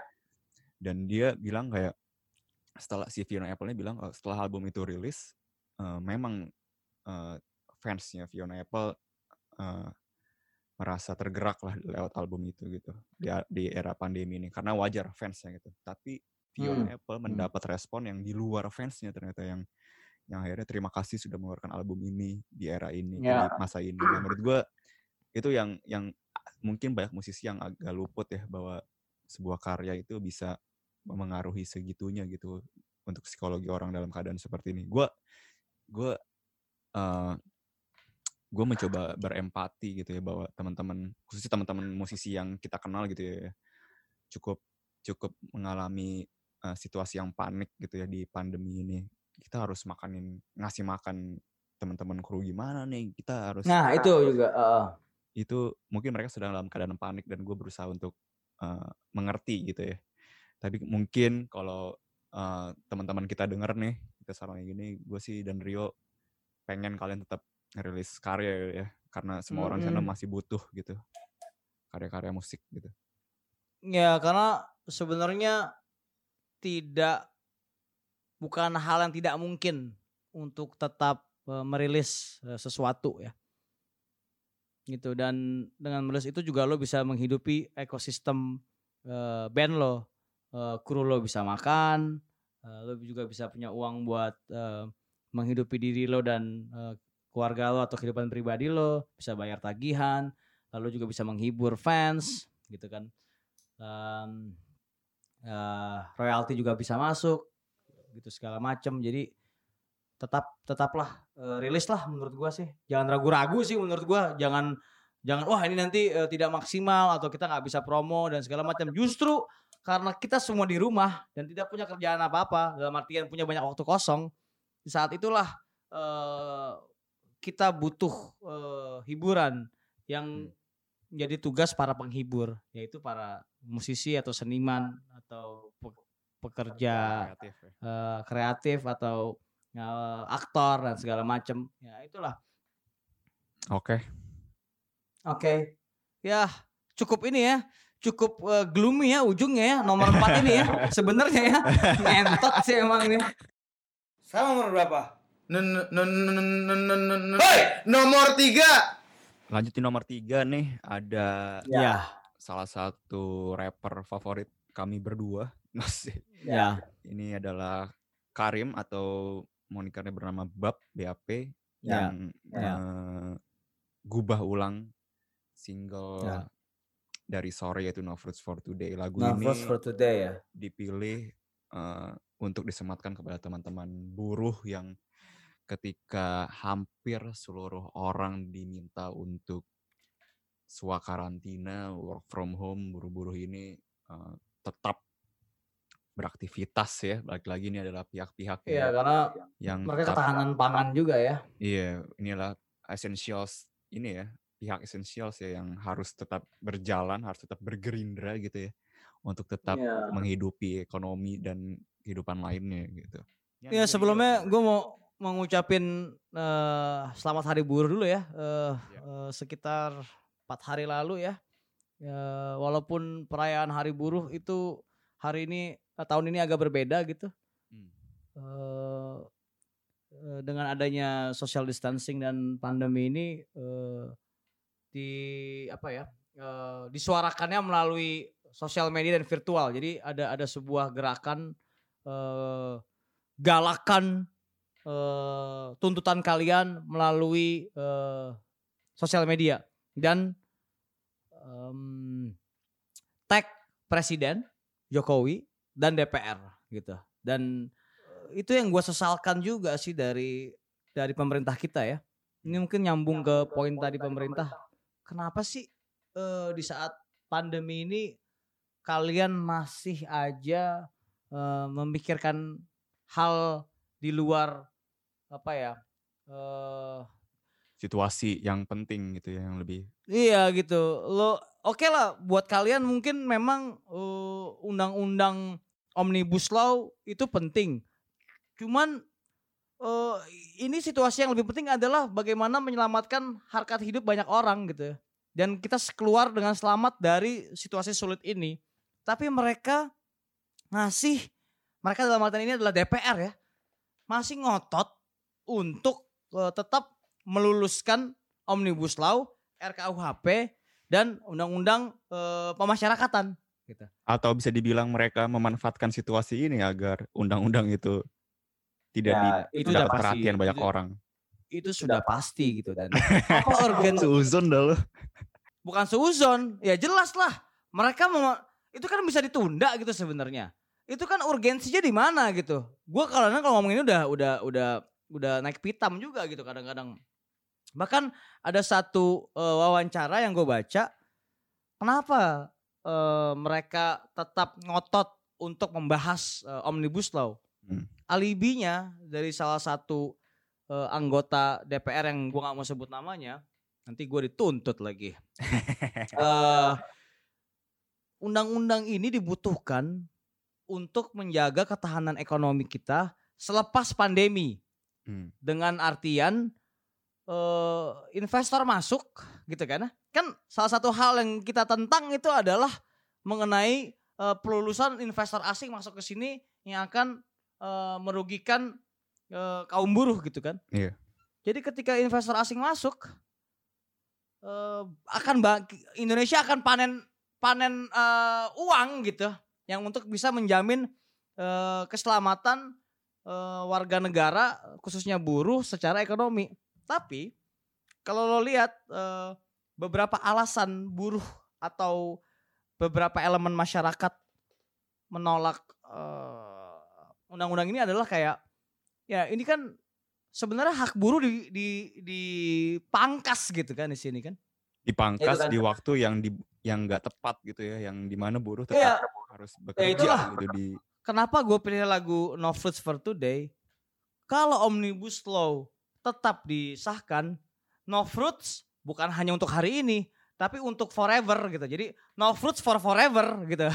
Jadi nggak akan ada buah untuk buruh gitu. Nggak akan ada makanan untuk buruh gitu sebenarnya. Jadi kenapa lah gue pilih lagu ini gitu. Alasannya itu, di samping lagunya memang keren. Dan lo bayangin deh, kalau misalnya lagu ini dinyanyikan eh, saat march gitu ya. I love you when you love me. We're gonna make a big family dan itu semua buruh menyanyikan itu sambil jalan gitu. Gue pernah da- gue selalu datang eh, May Day itu gue selalu hadir gitu. Dan gue melihat bagaimana mereka menyanyikan lagu bongkar gitu kan. Itu kan penuh dengan perlawanan dan segala macam gitu ya. Lalu ada lagunya marginal dan beberapa kali juga eh, si Mike datang untuk bernyanyi bersama buruh. Coba sekarang lo bayangkan eh, lagu ini dinyanyikan sangat romantis ya. Gitu ya. sebenarnya memang gak ada naik ke- hubungan dengan perjuangan kan lagu Tidak ini. ada, cuman eh lagu ini mempresentasikan gitu kan eh, hal yang paling uh, apa ya fundamental itu kan apa ya buah itu kan sebuah analogi ya. Hmm. Ya itu tadi ketika eh, undang-undang sapu jagat atau omnibus law ini di diluluskan ya lu nggak bakal dapat apa-apa dalam artian buruh gitu. Hah, sedih juga ya dan yang yang lumayan gue cukup menjadi perhatian tuh ketika eh, buru-buru ini di era pandemi ini mendapat tekan dari tadi yang lu bilang omnibus law segala macam dan mereka harus dirumahkan atau di layoff atau di Ya. PHK dari perusahaannya dan mereka tidak diperbolehkan pulang gitu ke rumahnya tidak boleh mudik atau pulang kampung gitu jadi Iya. gue melihatnya aduh gimana nih keadaan maksudnya gue beruntung masih bisa bertahan gitu ya tapi banyak di luar Iya. yang kena layoff mereka perantau di mana mereka merantau dari eh, luar Jakarta yang se- sekarang kita akhirnya menyadari betapa buruknya sentralisasi Jakarta gitu ya ekonomi semua di Iya, sini iya. semua ada di Nah, sini jadi Ya, ketika itulah. semua runyam, mereka tidak bisa pulang, mereka harus bertahan di sini tanpa ada pegangan sama sekali gitu. Itu Iya, menurut iya. gua Sangat menyedihkan juga sih. Kalau gue mencium bau amis dari sini, maksud gue presiden ketika pandemi ini eh, menjalar gitu ya sempat nge-tweet gitu untuk meminta DPR menghentikan pembahasan RUU eh, Cipta Tenaga Kerja ini. Tapi kemudian tweet itu dihapus. Lalu keluar pernyataan eh, dari para beberapa anggota DPR yang bilang bahwa kami akan tetap melanjutkan pembahasan secara virtual. Presiden aja udah menginstruksikan seperti itu, menginstruksikan seperti itu. Tapi DPR nggak nurut gitu dan tetap eh, egois lah menurut gua gitu. Dan baunya tuh terasa, wah kok gini ya? Kok lo kayak nggak ngerti ya gitu. Maksudnya Kayak ini ya, dia Ya. memanfaatkan itu dia memanfaatkan memanfaatkan situasi. benar gitu. Oke, mereka punya alibi kalau ini untuk menguatkan ketahanan ekonomi pasca pandemi gitu kan. Tapi mereka lupa gitu kalau beberapa pasal yang dirancang juga tidak berpihak pada buruh gitu. Kan alibi-alibi eh, bohongan murahan gitu menurut gua. Itu tadi mereka yang bodoh atau mereka yang menganggap kita bodoh untuk tetap bisa eh, percaya sama mereka. Padahal yang milih mereka siapa sih? Gitu. Buruh gitu. Itu agak-agak aduh ini lebih gloom, gloomy lagi daripada eh, pekerja kreatif sebenarnya. mending kita bahas lagu dulu deh yuk. yang mau gue tanyakan nih ya, kan lu nih lagu. Iya. Kenapa lu milih versi bab daripada versi sore gitu? ya Versi bab kan free jazz free jazz gitu nggak mungkin dibawain di depan DPR cuy. ya kenapa gue memilih versi bab Eh, karena eh, bab itu eh, apa ya eh, mewakili eh, sosok musisi generasi sekarang gitu ya yang eh, musiknya melebur genre sore aja sudah melebur genre menurut gua gitu kan. Dia dari jazz tropical pop segala macam ditambah masuk bab musiknya lebih runyam lagi. Dalam artian lo ada bisa dibilang apa ya eh, mat rock ada jazznya juga. Jazznya juga Yusuf Jazz Kamal, free. Yusuf Kamal ya. ya Yusuf Kamal itu dijadikan eh apa waktu dia nyari drummer itu jadi salah satu lagu wajib buat dia gitu terus lo bisa bisa sebut bisa sebut apa Blood Brothers mungkin? Mars Volta kali ya? Atau Mars Volta di lagi ya? proyek dia yang Bapak kali. Ya ya ya maksud ya dalam artian secara eh, karakter eh, musicianshipnya si Karim Sunharyo ini menurut gua melebur genre dan harusnya eh, musisi seperti dia mendapat eh, ruang publikasi yang lebih gitu. Hmm, gue sepakat sih. Eh, dibandingkan kita mengglorifikasi sore terus-terusan yang mana bandnya juga kayaknya udah kritis ya. Udahan aja Ya. kali ya. Jadi eh, lagunya ini lagunya Paloh atau Mondo gitu ya. Punya nyawa baru gitu. Ya. Ini ini punya punya punya punya nyawa baru yang menghidupkan kembali yang udah udah sekarat gitu lagu ini gitu. Ya, jadi punya nyawa baru dan wajah musisi generasi sekarang itu eh, ada di eh, bab gitu ya. Hmm. Gitu gue kan. gue selalu kalau- suka sih orang yang orang yang eh, tidak punya boundary gitu ketika Ya, menggarap sebuah karya gitu. ya bebas gitu. Iya dan bebas tuh bukan berarti semaunya ya. Bebas tuh berarti dia berhasil menyerap semua eh, musik yang dia dengarkan gitu ya dan dia Ya. dia jadikan sebuah sebuah bentuk bukan baru ya. Maksudnya kayak versi ala dia lah gitu. dan musiknya sangat hitam dalam artian berkulit hitam gitu jadi lo untuk bisa menemukan uh, groove yang uh, main funky dan segala macem Tapi ya, tetap agresif. dia dia ya dia dia punya punya sisi hitam itu gitu kayaknya dia terlahirkan uh, sebagai orang hitam sayangnya lo orang uh, Indonesia. coklat dan lahir di Indonesia sayang lagi lahir di Delorim Indonesia. lahir di sini. Kasihan deh lo Rim. Kasihan deh lo Pram. Oke. Eh, ini balik lagi ke buruh ya. Gue sih sebenarnya Ya. mau kas- sekali lagi berterima kasih ke eh, teman-teman eh, buruh yang bisa dibilang menjadi essentials eh, job ya yang di di era pandemi ini tetap bekerja untuk eh, menjaga ketahanan pangan Ya. atau sandang apa pun itu ya yang dari yang sangat penting sampai yang dari makanan sampai obat-obatan apa pun itu yang yang mereka eh gue sih nggak bisa membayangkan ya betapa mereka tetap tetap harus ini ya tetap harus eh, menghabiskan waktu di area perkantoran ataupun pabrik gitu ya Ya.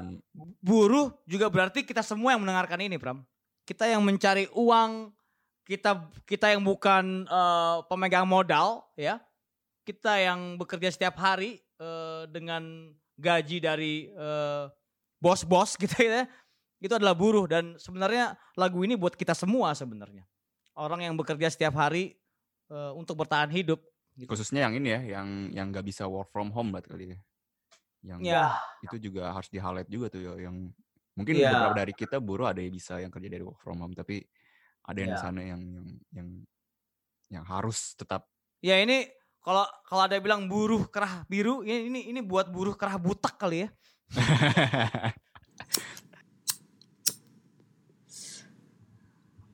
Nomor dua. masuk di nomor dua nih ada lagu yang gue pilih ya lagu ini adalah Ya. lagu Pure Saturday berjudul Nyala yang diambil dari Nyala. album Elora ya Ya. album, Album ketiga. tahun 2005 ya album ketiga gitu. Ya. ini kami tujukan lagu ini gue dan Rio tujukan untuk eh, rakyat atau teman-teman atau saudara siapa pun di sana yang menjadi pasien COVID-19 gitu ya. Walaupun eh, jadi pasien karena bandel atau karena sial, apa- pokoknya jadi pasien lah ya.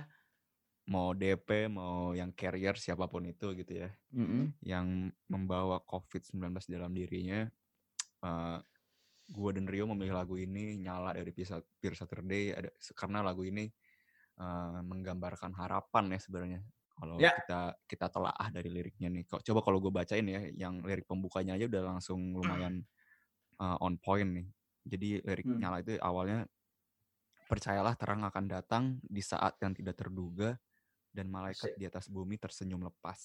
Anjir. Ini era Iyo nih ya, album perdana Iyo sebagai Iya. vokalis ya. Anjing. Gue inget Iyo kalau jadi vokalis PR pertama PS pertama-tama tuh suaranya caur banget bro. Fales ke mana-mana tau gak lo? Lu kayak dengerin Andri Lemes nyanyi di rumah sakit zaman dulu tau gak lo? Gue gak, nggak bisa menikmati kalau nonton konsernya eh Pure Saturday sama rumah sakit deh. Sama gitu kayak anjing. Tapi makin lama makin baik gitu ya. Iya. namanya juga Sebenarnya sama kayak sore ya. juga sih. Sore juga awal-awal berantakan gitu. Bahkan Oh sampai- iya emang ya? Iya, bahkan sampai Paloh? sampai ketika Mondo keluar pun itu masih lumayan berantakan tuh sampai akhirnya dikritik kan kayak, wah sore nggak pernah bagus nih live-nya segala macam. Akhirnya mulai membaik sekarang ketika Sama banyak additional player yang masuk gitu ya. Gue nggak mau ngomongin Sama kayak- terlalu jauh sih. sama kayak Aryan juga sih. Aryan pertama nyanyi tuh kayak nggak disebut liriknya atau nggak asal-asalan. Tapi makin lama makin baik mungkin makin dewasa dia ya. Itu itu gue inget banget tuh. Eh, Aryan kalau nyanyi dulu Oh, Jian lu nyanyi apaan sih sebenarnya? Lebih apalan eh, fans lo dibandingin eh, lo sendiri kalau nyanyiin lirik. oh ya, jadi eh, album ini tuh album eh, ketika PS merilis eh, secara independen ya di bawah naungan Fast Forward gitu. Ketika sebelumnya di EP pertamanya itu eh, dirilis sebagai bonus di majalah Bonus High. oleh majalah High tahun 95. Terus, eh, kemudian eh, setahu gue di album itu si teman-teman PS tuh memang sudah mengincar eh, major major label gitu. Iya. tapi nggak nggak ada yang percaya kemudian om lo ya om lo yang bertanggung jawab nih ya yuk. Mamang, Kemudian- Mamang dan DMR. Mamang Denny MR eh, mempercayakan album itu menjadi bonus di eh, majalah High kemudian rame ternyata antis antusiasnya dan eh, Tanto Yahya Tawarkan ya, ke labelnya Tanto Yahya itu CP dan meledak itu ya lagu kosong ya. album kosong Lalu- eh lagu kosong tuh meledak akhirnya di sign lah sama Tarik Aquarius sama berikutnya di Aquarius Utopia dan ya.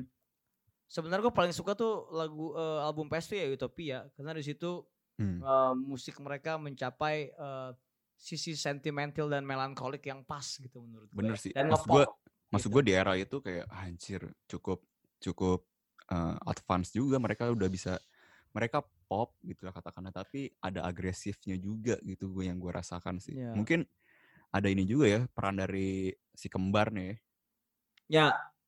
Eh, nyawa dari Pure Saturday itu ada si Adi dan Udi ya. iya dan Ah. itu eh, menurut gue sayang banget ya akhirnya mereka harus hijrah Ya, meninggalkan Pure Saturday ya itu dia. Jadi ya mem- mem- mem- menelantarkan eh, kekayaan musik Pure Saturday. iya gue nggak tahu ya Jadi jadi nggak aktif lagi sekarang, Pram. Iya semenjak album eh, yang kompilasi hitsnya itu kan mereka ngerilis Grey ada ada Grey dulu kan?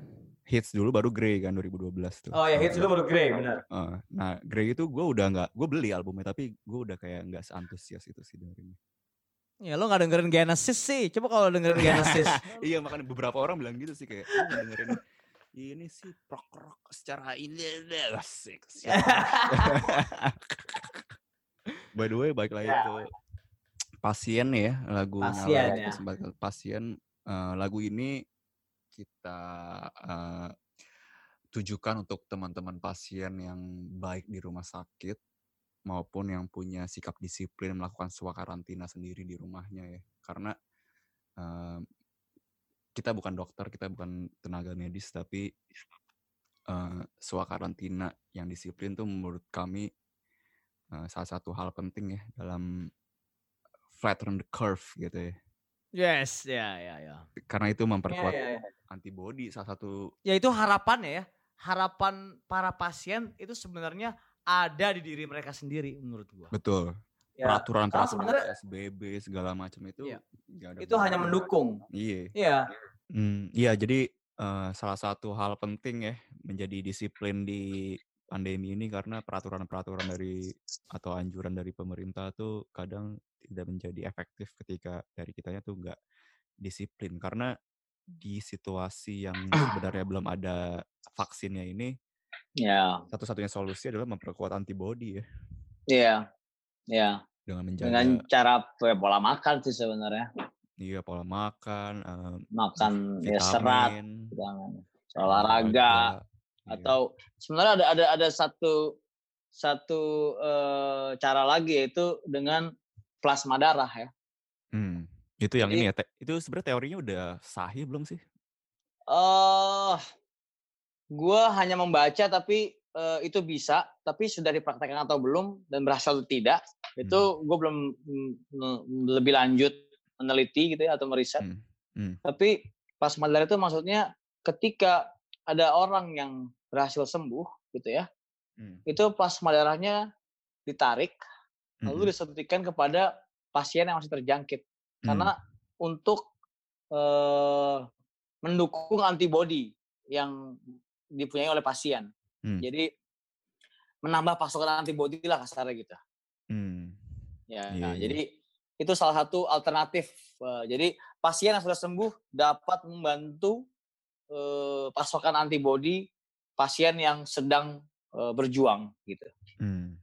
Iya, iya, iya. Nah itu mungkin eh, kita berdua nggak mau ini ya memberi asumsi yang menyesatkan. Iya. Mungkin teman-teman Iya. yang dengar bisa follow up ya, apakah itu Follow up eh, berhasil dilakukan gitu ya. Dan karena eh, ini situasi virus ini memang gue kemarin sempat baca bahwa virus ini tuh kenapa sulit untuk ditemukan vaksinnya karena i- dia sering kali eh, menunjukkan false false eh, alarm. alarm gitu gitu.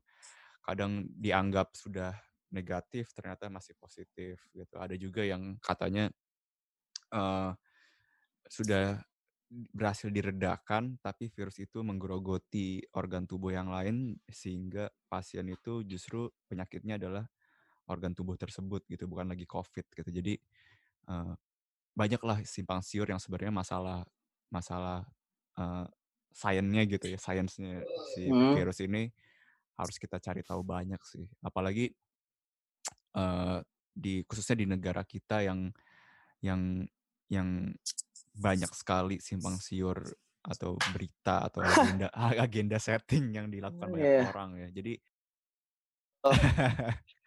kasihan banget ya kita harus membahas ini di negara negara ini.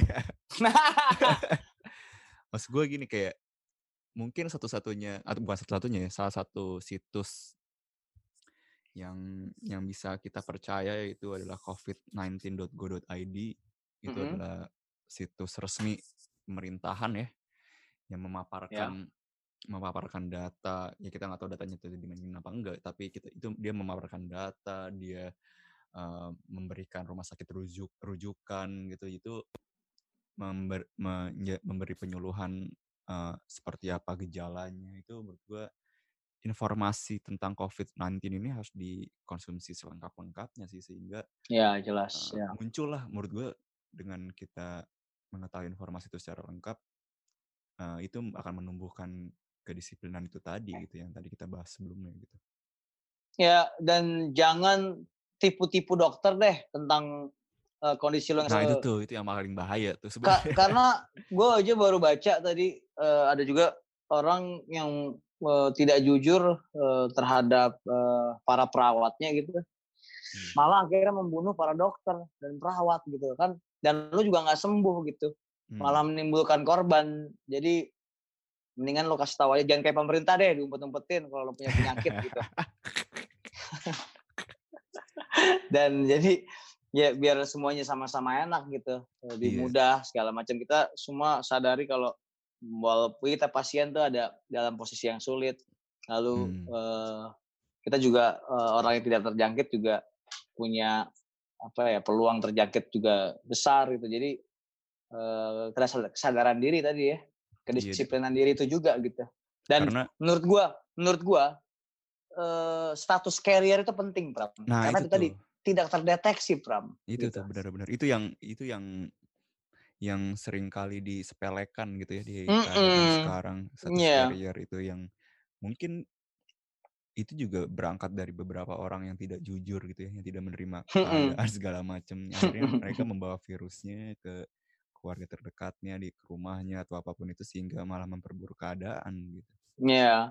Dan ya itu tadi jangan pulang kampung dulu deh. Coba lo inget juga keluarga lo yang bakal bisa kena dan orang-orang lain gitu bahwa nanti makin lama juga ini kelar gitu pandemi gitu. Kalau nggak perlu-perlu banget ya lo stay at home. Lalu eh, lebaran sendirian di Jakarta juga enak kali menurut gue. menurut Iya lo? Ya coba lo pikirin deh. Gitu. Coba lo pikirin.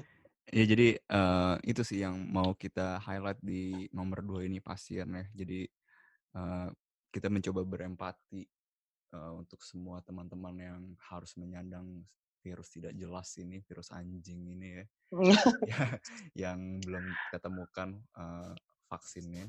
Tapi dengan semoga dengan lagu ini nyala dari Tears Saturday ini Masih punya harapan ya kita ya. Iya, karena gue gue setuju gue balik lagi gue bukan tenaga medis gitu tapi gue setuju semua itu kan sebenarnya dari pikiran ya Iya. Dari pikiran ya semoga lagu ini cukup menjernihkan eh, teman-teman pasien gitu ya yang Iya. tetap membawa harapan gitu belum tentu lo mati kok.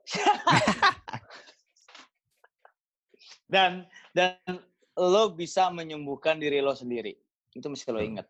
betul Dan betul, betul. eh, swakarantina jangan sampai eh, karena gue banyak ba- banyak dengar juga kalau masyarakat tahu atau sekitar tanggal tahu kalau lo terjangkit dan lo ingin swakarantina lo diusir biasanya Pram. Ya iya Sering iya, dengar nggak itu tuh? iya Jadi ketika lo menyadari ada gejala-gejala, lo stay at home, eh, udah di rumah aja, lo makan makanan yang banyak, eh, sorry makan makan makanan yang banyak seratnya, eh, itu bisa sayur menyembuhkan Aceh mungkin sayur Aceh gitu. gue punya teori tentang ganja nih dan itu dan udah gue bahas di M-Wave kemarin. apa apa Bagaimana ganja itu bisa meningkatkan antibody dari Asik. CBD. Karena- Asik. Anabel nih loh Bukan, bukan Anabel. Enggak. Gue bukan ahli ganja, gue bukan pengisap ganja. gue bukan eh, apa pun, gue bukan. LGN, bukan pemasok, tapi dari eh, beberapa riset yang gue baca, ganja itu memiliki eh, kandungan kanabinoid yang bisa em, apa ya mendorong pelahiran atau produksi dari antibodi yang dibutuhkan untuk mengalahkan virus eh, COVID ini. Secara logika seperti itu. Jadi bisa kan?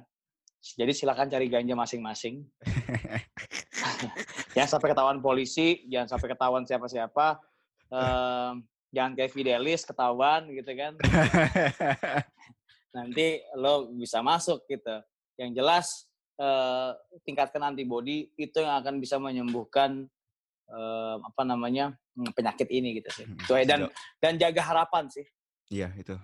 Itu se- sebenarnya harapan tuh kadang-kadang kita sering dibohongin sama harapan tapi untuk kali ini eh, berharaplah bahwa ketika sudah terjangkit lu masih bisa sembuh dengan Hmm. diri sendiri dan belum tentu mati gitu.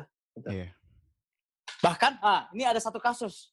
Seorang lansia berumur 103, 103 tahun yang telah berhasil melewati flu Spanyol di tahun 1930.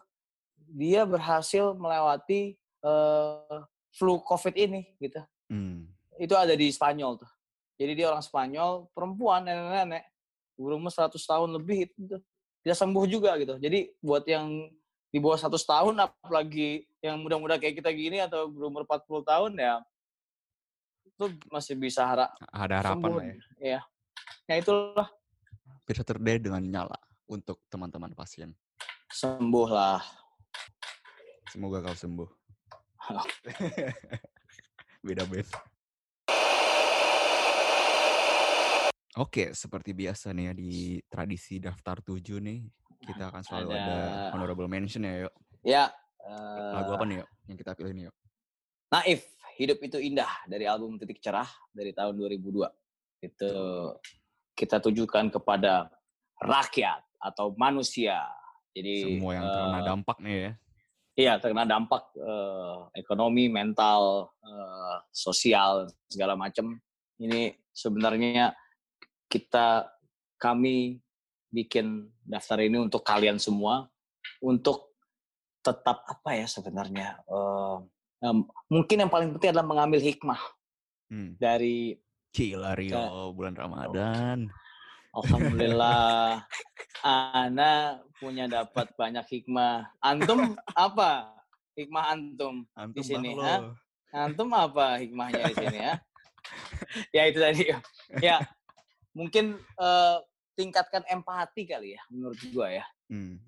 Ya Sama kan? gue mau ini sih, mau eh, memberi eh, rasa optimisme gitu ya, bahwa Ya.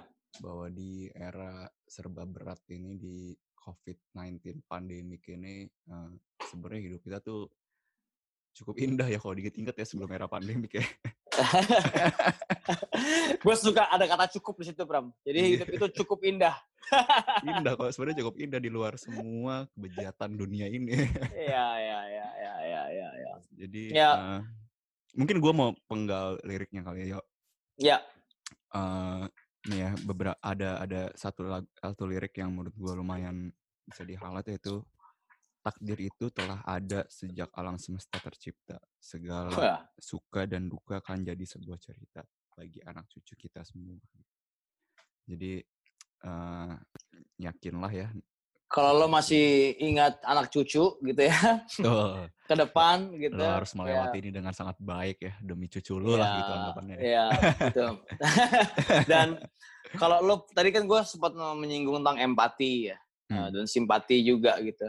Bahwa kalau lo ingin membantu eh, orang-orang yang yang terjangkit segala macam, misalnya lo ingin mengirimkan makanan atau segala Hmm. macam, jangan lo bikin kerumunan di jalan, gitu kan? Betul. Ada banyak tuh kemarin Iya. eh, mau mau kirim bantuan, datang naik mobil, lalu semua orang mengantri gitu Hmm, itu menurut gue tindakan yang bodoh sih. Jadi Hmm. empati lo nggak nyampe tujuannya gitu. iya. Tapi coba lo datang eh, door to door gitu ya.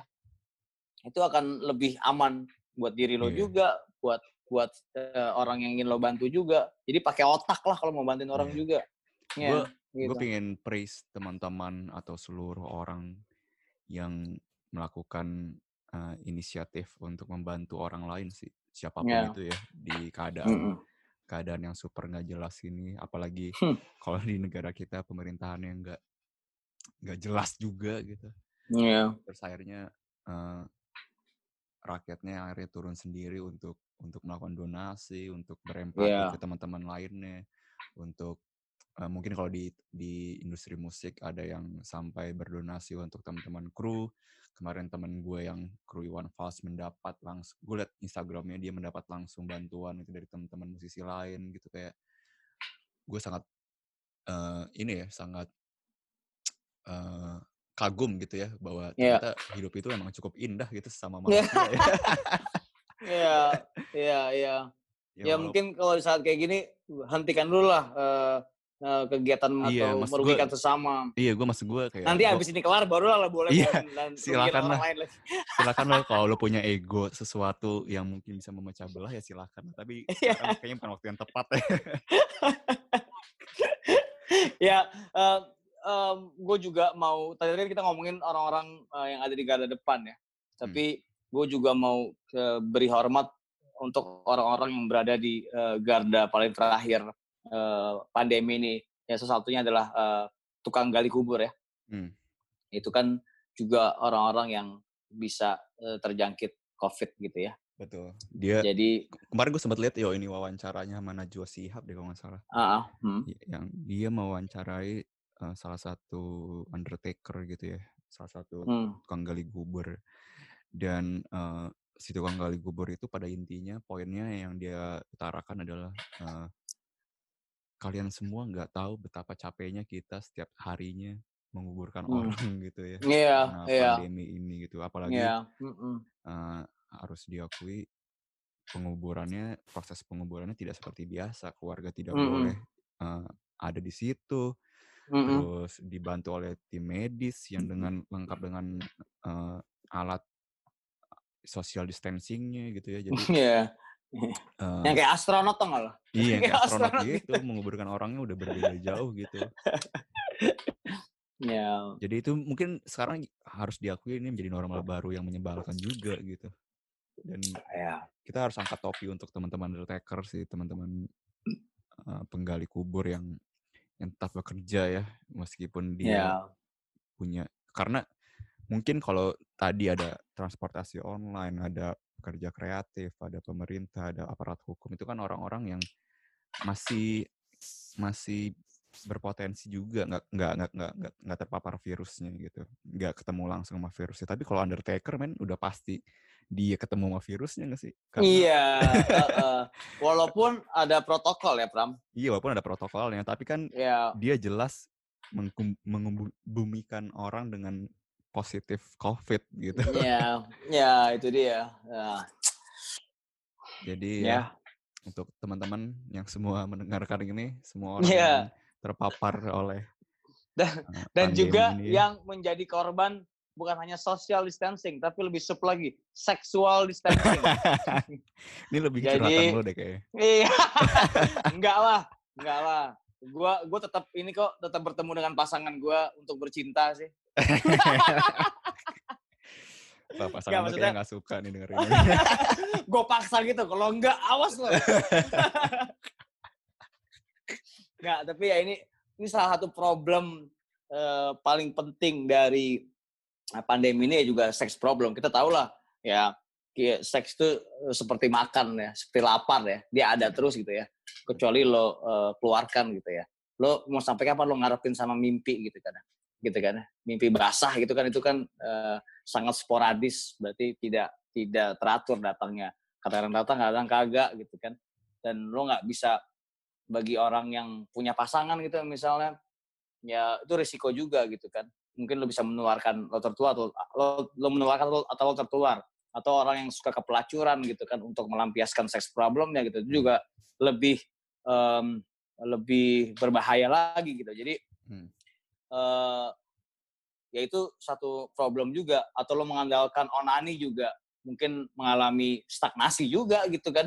Walaupun udah tamat kita- nonton ini situs ya porn pornonya udah Pornhub, tamat.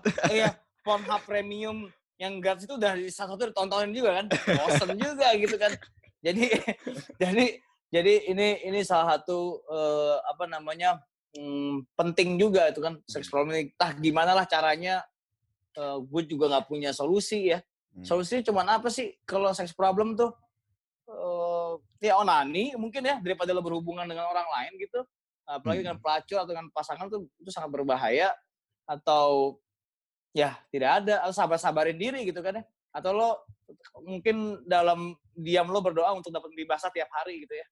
Atau tiap tiga tiap dua atau tiga hari sekali gitu kan. Biasanya kan orang normal seks itu kan tiga hari sekali atau dua hari sekali gitu kan. Emang kalau yang iya. high kalau yang hyper nah itu kasihan tuh ya kan? sakau gue, sakau. Iya, sakau seks tuh kasihan tuh. Itu kasihan tuh. Ya jadi gua mengirimkan empati buat lo nih Pram. Iya, kan? kenapa gue? Anjir lo. Anjing mau perbatu gitu. Umpan lambung Pram. Ya kan? ya intinya intinya karena ini seluruh rakyat eh, berkontribusi lah gitu. Sekecil apa pun. Bahkan dengan diam di rumah saja itu sudah lo berkontribusi eh, itu bisa mampu eh, apa ya? flatten the curve gitu ya. gue Jadi juga mau ini sih, Yo, mau tadi kan kita udah sempat eh, singgung tukang gali kubur atau semua kan pada intinya rakyat ya, tapi kita mau Hmm. gue mau eh, coba highlight juga teman-teman queers kali ya yang kemarin Mm-mm. gue lihat eh, postingannya Tamara Mm-mm. dia mencoba Tamara ini siapa Bram? Ini kemarin yang Oh kita iya, ada oh di iya. Eh, Tamara ini adalah si eh, queer dari Jogja ya. Oke. Iya, dia adalah Hmm. s- salah satu Kita pernah personil- kita pernah undang dia di daftar tujuh sebelumnya ya. Iya, dia adalah Ya. salah satu queer band queer pertama di Indonesia ya. Dia Iya. kemarin gue Hmm. lihat dia bikin inisiatif. Amuba. Hmm. Amuba betul. Dia bikin inisiatif eh, untuk teman-teman queers yang kehilangan pekerjaan karena situasi Ya. pandemi ini. Apalagi Mm-mm. ba- mungkin kita balik lagi ke topik sebelumnya ya di daftar tujuh sebelumnya bahwa queers di Indonesia di keadaan normal aja udah susah banget gitu. Hmm. Apalagi keadaan kayak gini gitu. Dan kemarin juga ada yang jadi korban dari konten YouTubers di Bandung. gitu. kontol tuh emang tuh gila sih itu. Maksud gue dalam keadaan kayak gini, teman-teman queers jangan ini ya, jangan patah semangat ya. Tetap patah semangat ya. Tetap bermasturbasi eh, untuk eh, tetap menjadi eh, diri kalian lah. iya eh, homo, hetero, eh, bermasturbasi lah itu mungkin yang paling aman. Atau olahraga lah biar lupa dengan seks. Juga ya.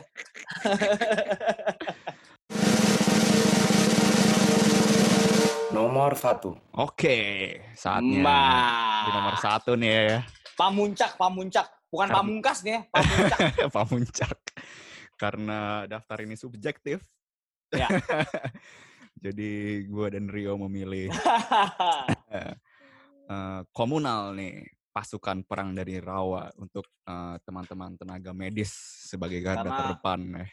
Karena ini eh, subjektif, gue mulai sekarang akan ngomong untuk nomor satu ini dengan gayanya Dodi Hampson. Oke. Oke bro, Eh, untuk eh, nomor satu ini kita eh, pilih lagu dari saya sendiri, itu komunal, pasukan perang dari Rawa, dari album eh, band terbaik eh, heavy metal yang pernah ada di Indonesia. Dan Itu, salah satu hitam. album terbaiknya juga ya gue Ya, ini masih semesta. gue nggak tahu ya gue masih gue masih di kepala gue memilih hitam semesta atau gemuruh musik pertiwi itu gue masih agak sulit sejujurnya Yuk. itu dua album yang sangat sangat Tapi menurut gua kalau pasukan perang dari Rawa nih ya eh, karena dia eh, apa ya dari eh, ang angsang hero sekali ya. betul Jadi ya oke. ini adalah Jadi ini ya gimana, Bro? ode untuk tenaga medis nih Ya. karena ya salah satu cantingnya kan pasukan perang dari Rawa siap tempur kalau gue penggal liriknya lagi nih di lagu komunal ini ada yang bagian agak agak terakhirnya tuh yang paling cukup cukup berenergi gitu ya adalah Hmm. derap langkah bergema menangkan perang ini Wah, gimana coba ya. Mas Dodi Hamson bisa dinyanyikan nggak bagian itu ya Derap langkah bergema oi oi oi menangkan perang ini. Anjing. Udah dot ah, capek dot ah gaya gaya kalau gitu dot. Udah capek capek capek. buka baju dong ya. Mas Nah, ya, gua gua gua pas pernah ngomong lagu ini gua langsung setuju karena ya anggap aja Rawa itu adalah eh, sebuah rumah sakit ya. Jadi eh, mungkin ya, mereka lah yang akan menyembuhkan kita gitu ya, yang akan merawat kita dan eh, tidak sedikit juga dari tenaga medis yang harus mengorbankan nyawanya gitu ya di di Indonesia aja mungkin sekitar sebulan lalu kali ya. Itu gue terakhir baca itu ada 18 eh, dokter yang meninggal belum termasuk perawat. Eh, itu dari dari segala umur ya. Dari dokter junior sampai senior gitu kan. Dan mereka yang bikin gua agak haru ya bukan agak sih agaknya gua hapusin. Yang bikin gua haru adalah setiap tenaga medis yang meninggal itu disambut atau dilepas dari rumah sakit menuju pemakaman dengan upacara mungkin mirip seperti upacara militer ya ketika pahlawan seluruh ya. ya pahlawan gue bisa bilang ini pahlawan sih Hmm. ya pahlawan yang ya paling paling utama lah menurut gue yang harus yang harus di di apa ya diutamakan gitu ya atau Iya. di, di dipentingkan gitu tanpa mereka kita semua mat ya, para pasien pasti bakal mati gitu ya Iya. Dan, Nah, ang- lalu- dan angkanya mungkin akan melonjak tinggi gitu. iya mereka dilepas ketika eh, keluar dari rumah sakit para eh, rekan-rekan dokter yang lain berbaris gitu ya dan memberikan penghormatan terakhir itu cukup eh, haru ya Mm-mm. Dan gue sih sebenarnya mau eh, memaparkan eh, bagaimana para tenaga medis ini psikologinya ya. Mereka Ya. harus berjuang setiap hari. Ada yang nggak pulang karena takut membawa virusnya ke rumah. ya Mereka akhirnya tidur di hotel yang disulap sebagai bunker untuk tenaga Ya. medis gitu ya. ya ya Dan ada pula yang sebenarnya pulang tapi mereka tidak bisa langsung eh, berkomunikasi atau berinteraksi langsung keluarga, ya. keluarga. Itu kayak gila. Itu kita nggak tahu sampai kapan mereka harus melakukan itu ya. Dan Hmm, hmm. apa yang kita lakukan harusnya seenggaknya bisa lah membuat secara psikologis membantu mereka gitu. Mungkin dengan ya ini mungkin kalau teman-teman tenaga medis ada yang mendengarkan siniar daftar tujuh ini silakan dengarkan lagu komunal ini ya. Untuk Wah, tetap tetap semangat gitu. lupakan genrenya kalau lo nggak suka ya Iya, tapi ambil pesannya ambil nggak? pesannya nih. Sesuai. Betul. dan dan gue gua eh, sebenarnya eh, mengenai tenaga medis ini eh, ada satu eh, gonjang ganjing yang ramai kemarin ya tentang eh, teori konspirasi ya Hmm. eh, dari Jerings nih ya Hmm. dalam artian gue tidak mau membahas eh, apakah benar atau tidak teori konspirasi ataukah gue setuju atau tidak gitu ya tapi eh, boleh-boleh saja orang berbicara tentang teori konspirasi atau mengembangkannya tapi tolong hargai juga kan waktu itu Jerings bilang bahwa tenaga medis banyak yang meninggal eh, bukan karena corona tapi dibilang karena corona menurut Jerings banyak tenaga medis meninggal karena kelelahan gitu ya Hmm. harusnya eh, eh, eh, spekulasi seperti itu tidak usah dibilang gitu ya Hmm. untuk menghormati eh, keringat mereka gitu. Apalagi Jeris yang punya panggung segitu besar. ya. Iya, taruhlah konspirasi itu benar dan mungkin kemungkinannya adalah benar. Jadi tapi tidak usahlah menyinggung eh, mengenai tenaga medis karena Hmm. mereka lah yang paling eh, mungkin salah satu yang paling terkena terkena eh, apa ya ancaman nyawanya selain para Iya. pasien ya gitu mereka yang bekerja siang malam segala macam gitu kan gue kemarin nonton eh, debat atau diskusi dia dengan dokter Tirta gitu ya gue lihat kayak gue sampai pada satu kesimpulan bahwa eh, sudah tidak sepatutnya dia berbicara itu gitu ya Hmm. itu aja sih gitu Eh, dengan teori konspirasinya sudahlah biarkan biarkan nanti waktu yang menjawabnya Hmm. apakah itu terbukti atau tidak gitu kalau kata dia kan kalau kata Jerings siapa yang akan tertawa di akhir gitu Akhir kan nanti. kalian Dia- atau saya gitu dia kan menyamakan bilang gitu dirinya kan. dengan orang yang menemukan telepon genggam gitu. Iya gitu kan.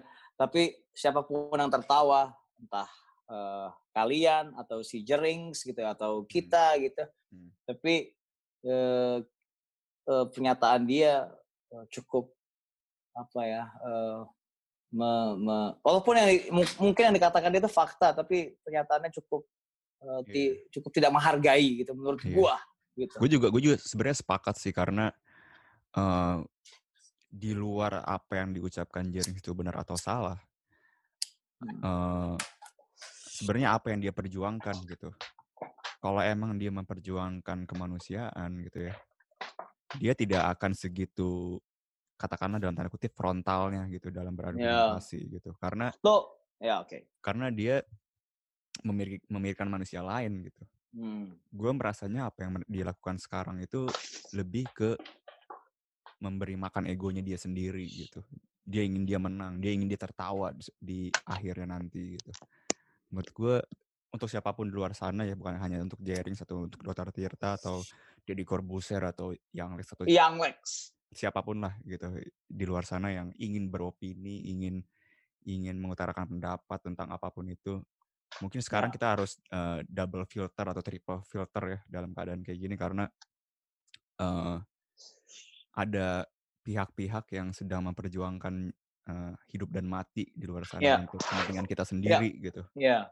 Jadi Eh, kalau apa? Terus Bram? ya jadi eh, menurut gue apalagi di era internet ini gitu ya gue gue gue ngerti bahwa kita semua sedang mengalami kebosanan yang sangat akut gitu ya di rumah Ya. masing-masing Iya. tapi bukan berarti kita bisa eh, dengan gampangnya jempol ini Ya. tanpa moral meng- me- meluapkan hal-hal negatif gitu. Ya, gue setuju dengan Jering sebenarnya. Maksudnya boleh aja lo eh, menguak eh, kebusukan elit global Hmm. atau Bill Gates atau siapa pun, Hmm. tapi tidak sepantasnya lo me- me- me- menuding bahwa ada konspirasi di balik eh, medis. Kalaupun ada, dengan tahan dulu, dengan fokus pada media mainstream yang sering yang seperti yang dia bilang Hmm. atau Bill Gates atau misalnya elit global, Illuminati atau pemerintah gitu ya daripada harus ke eh, tenaga medis gitu. ya. Hmm, Karena betul. ada atau tidaknya konspirasi dengan dunia medis gitu ya. Walaupun kita tahu bahwa ada eh, ya kita tahu lah gitu ya, ada mafia medis seperti katakan Navikula gitu kan. Hmm, Tapi eh, untuk saat ini ditahan dulu menurut gue. hmm, Eh, jadi lo boleh kata-katain tuh lah media mainstream siapa pun Vice, Tirto, siapa pun lah itu Hmm. serah lah. Menurut Jering ya sah-sah aja semua orang punya opini ya kan? Hmm, ini negara bebas gitu ini dunia yang bebas dan eh, tapi jangan balik lagi jangan jangan ke dunia medis. Karena silakan Jering eh, suarakan terus itu eh, fakta-fakta konspirasi tidak apa-apa. Cuman hanya dengan hanya tentang tenaga medis yang gue tidak sepakat. Itu aja. Betul. selebihnya Dia- gue sepakat kita akan panjang eh, ngomongin ini. Mungkin kita butuh satu episode lagi daftar tujuh lagu konspirasi dan segala macam. Tapi eh, tolong eh, Jerings eh, stop eh, memojokkan tenaga medis mendingan yang lain deh. Jadi ya untuk tenaga medis ya, terima kasih untuk ya eh, pengorbanannya. nyawa tenaga. Iya. ya Psikologi, semoga lo jiwa. semoga lo digaji gede deh. Beneran digaji gede deh semoga deh. Para tenaga medis nih semoga lo punya penghasilan yang cukup dan ya, baik eh, Iya. untuk bisa mm, sepadan dengan eh, nyawa yang mesti dikorbankan. Korbankan. Menurut gue sih itu. Ya. Dan terima kasih juga ya buat rakyat-rakyat yang membantu tenaga medis dengan membuat Ya sumbangan-sumbangan. sumbangan, APD segala macam. Akhirnya ada juga yang rakyat yang mencoba membantu akhirnya terpapar juga. Jadi Ya. terima kasih banget. Jadi ini kita recap kali ya. Ya. Daftar 7 kali ini, daftar 7 lagu penakluk COVID-19 nomor 7. Yoi. Lagu Coil, sistem kepemilikan untuk pemerintah. Ya. Lagu 6 ada di Upstairs, Anarki untuk aparat hukum. Anarki. Anarki. Nomor 5 ada Bin Idris, Jalan Bebas Hambatan untuk eh, Itu teman-teman di sekali, ya. industri transportasi. Hmm. Nomor 4 ada Pangalo, menghidupi hidup sepenuhnya untuk teman-teman pekerja kreatif. Fatum Grutum Amor Fati. Betul, di nomor 3 ada Bab, cover versionnya No Fruits for Today untuk kawan-kawan buruh. Ya. Nomor 2 ada Pure Saturday dengan Nyala untuk Ya. teman-teman pasien. Di honorable mention ada Naif, Hidup Itu Indah untuk semua rakyat yang terpapar atau terdampak dari pandemi ini. Dan nomor satu, Komunal. Superman is dead. Ya? Eh lu tau apa teori bad, konspirasi? bad, bad. Lu tau teori konspirasi tentang Superman is Dead? Apaan? Jarings tuh sudah meninggal setelah album Black Market Love, bro. Gue setuju. Oke, eh, dengan itu eh, kelar juga ya eh, daftar tujuh kita Pram ya. Eh, tadi kita belum nyebutin tuh Komunal nomor satu. Oh iya, komunal pasukan perang dari Dari Rawa. Rawa. Coba lo bayangin kalau Dodi Hamson adalah eh, pengikut teori konspirasi dan dia oleh satu vokal vokal juga kayak jaring sebayangin aja kayak gimana tuh. Jangkar Sablon. Ah, Oke, itu oke teman-teman. Terima kasih sudah mendengarkan daftar 7. Terima kasih. Heeh, tetap lagu semangat, untuk COVID-19 Iya. ya. Tetap semangat ya. stay Walaupun- alive, ya kan? Jaga kesehatan raga dan jiwa ya. Jangan Ya, lupa. berkontribusi lah. Oke. Oke, gue Pram. Gua Rio Tantomo, Kita ketemu lagi di episode daftar 7 berikutnya. secepatnya. Ciao. Dah. Daftar 7.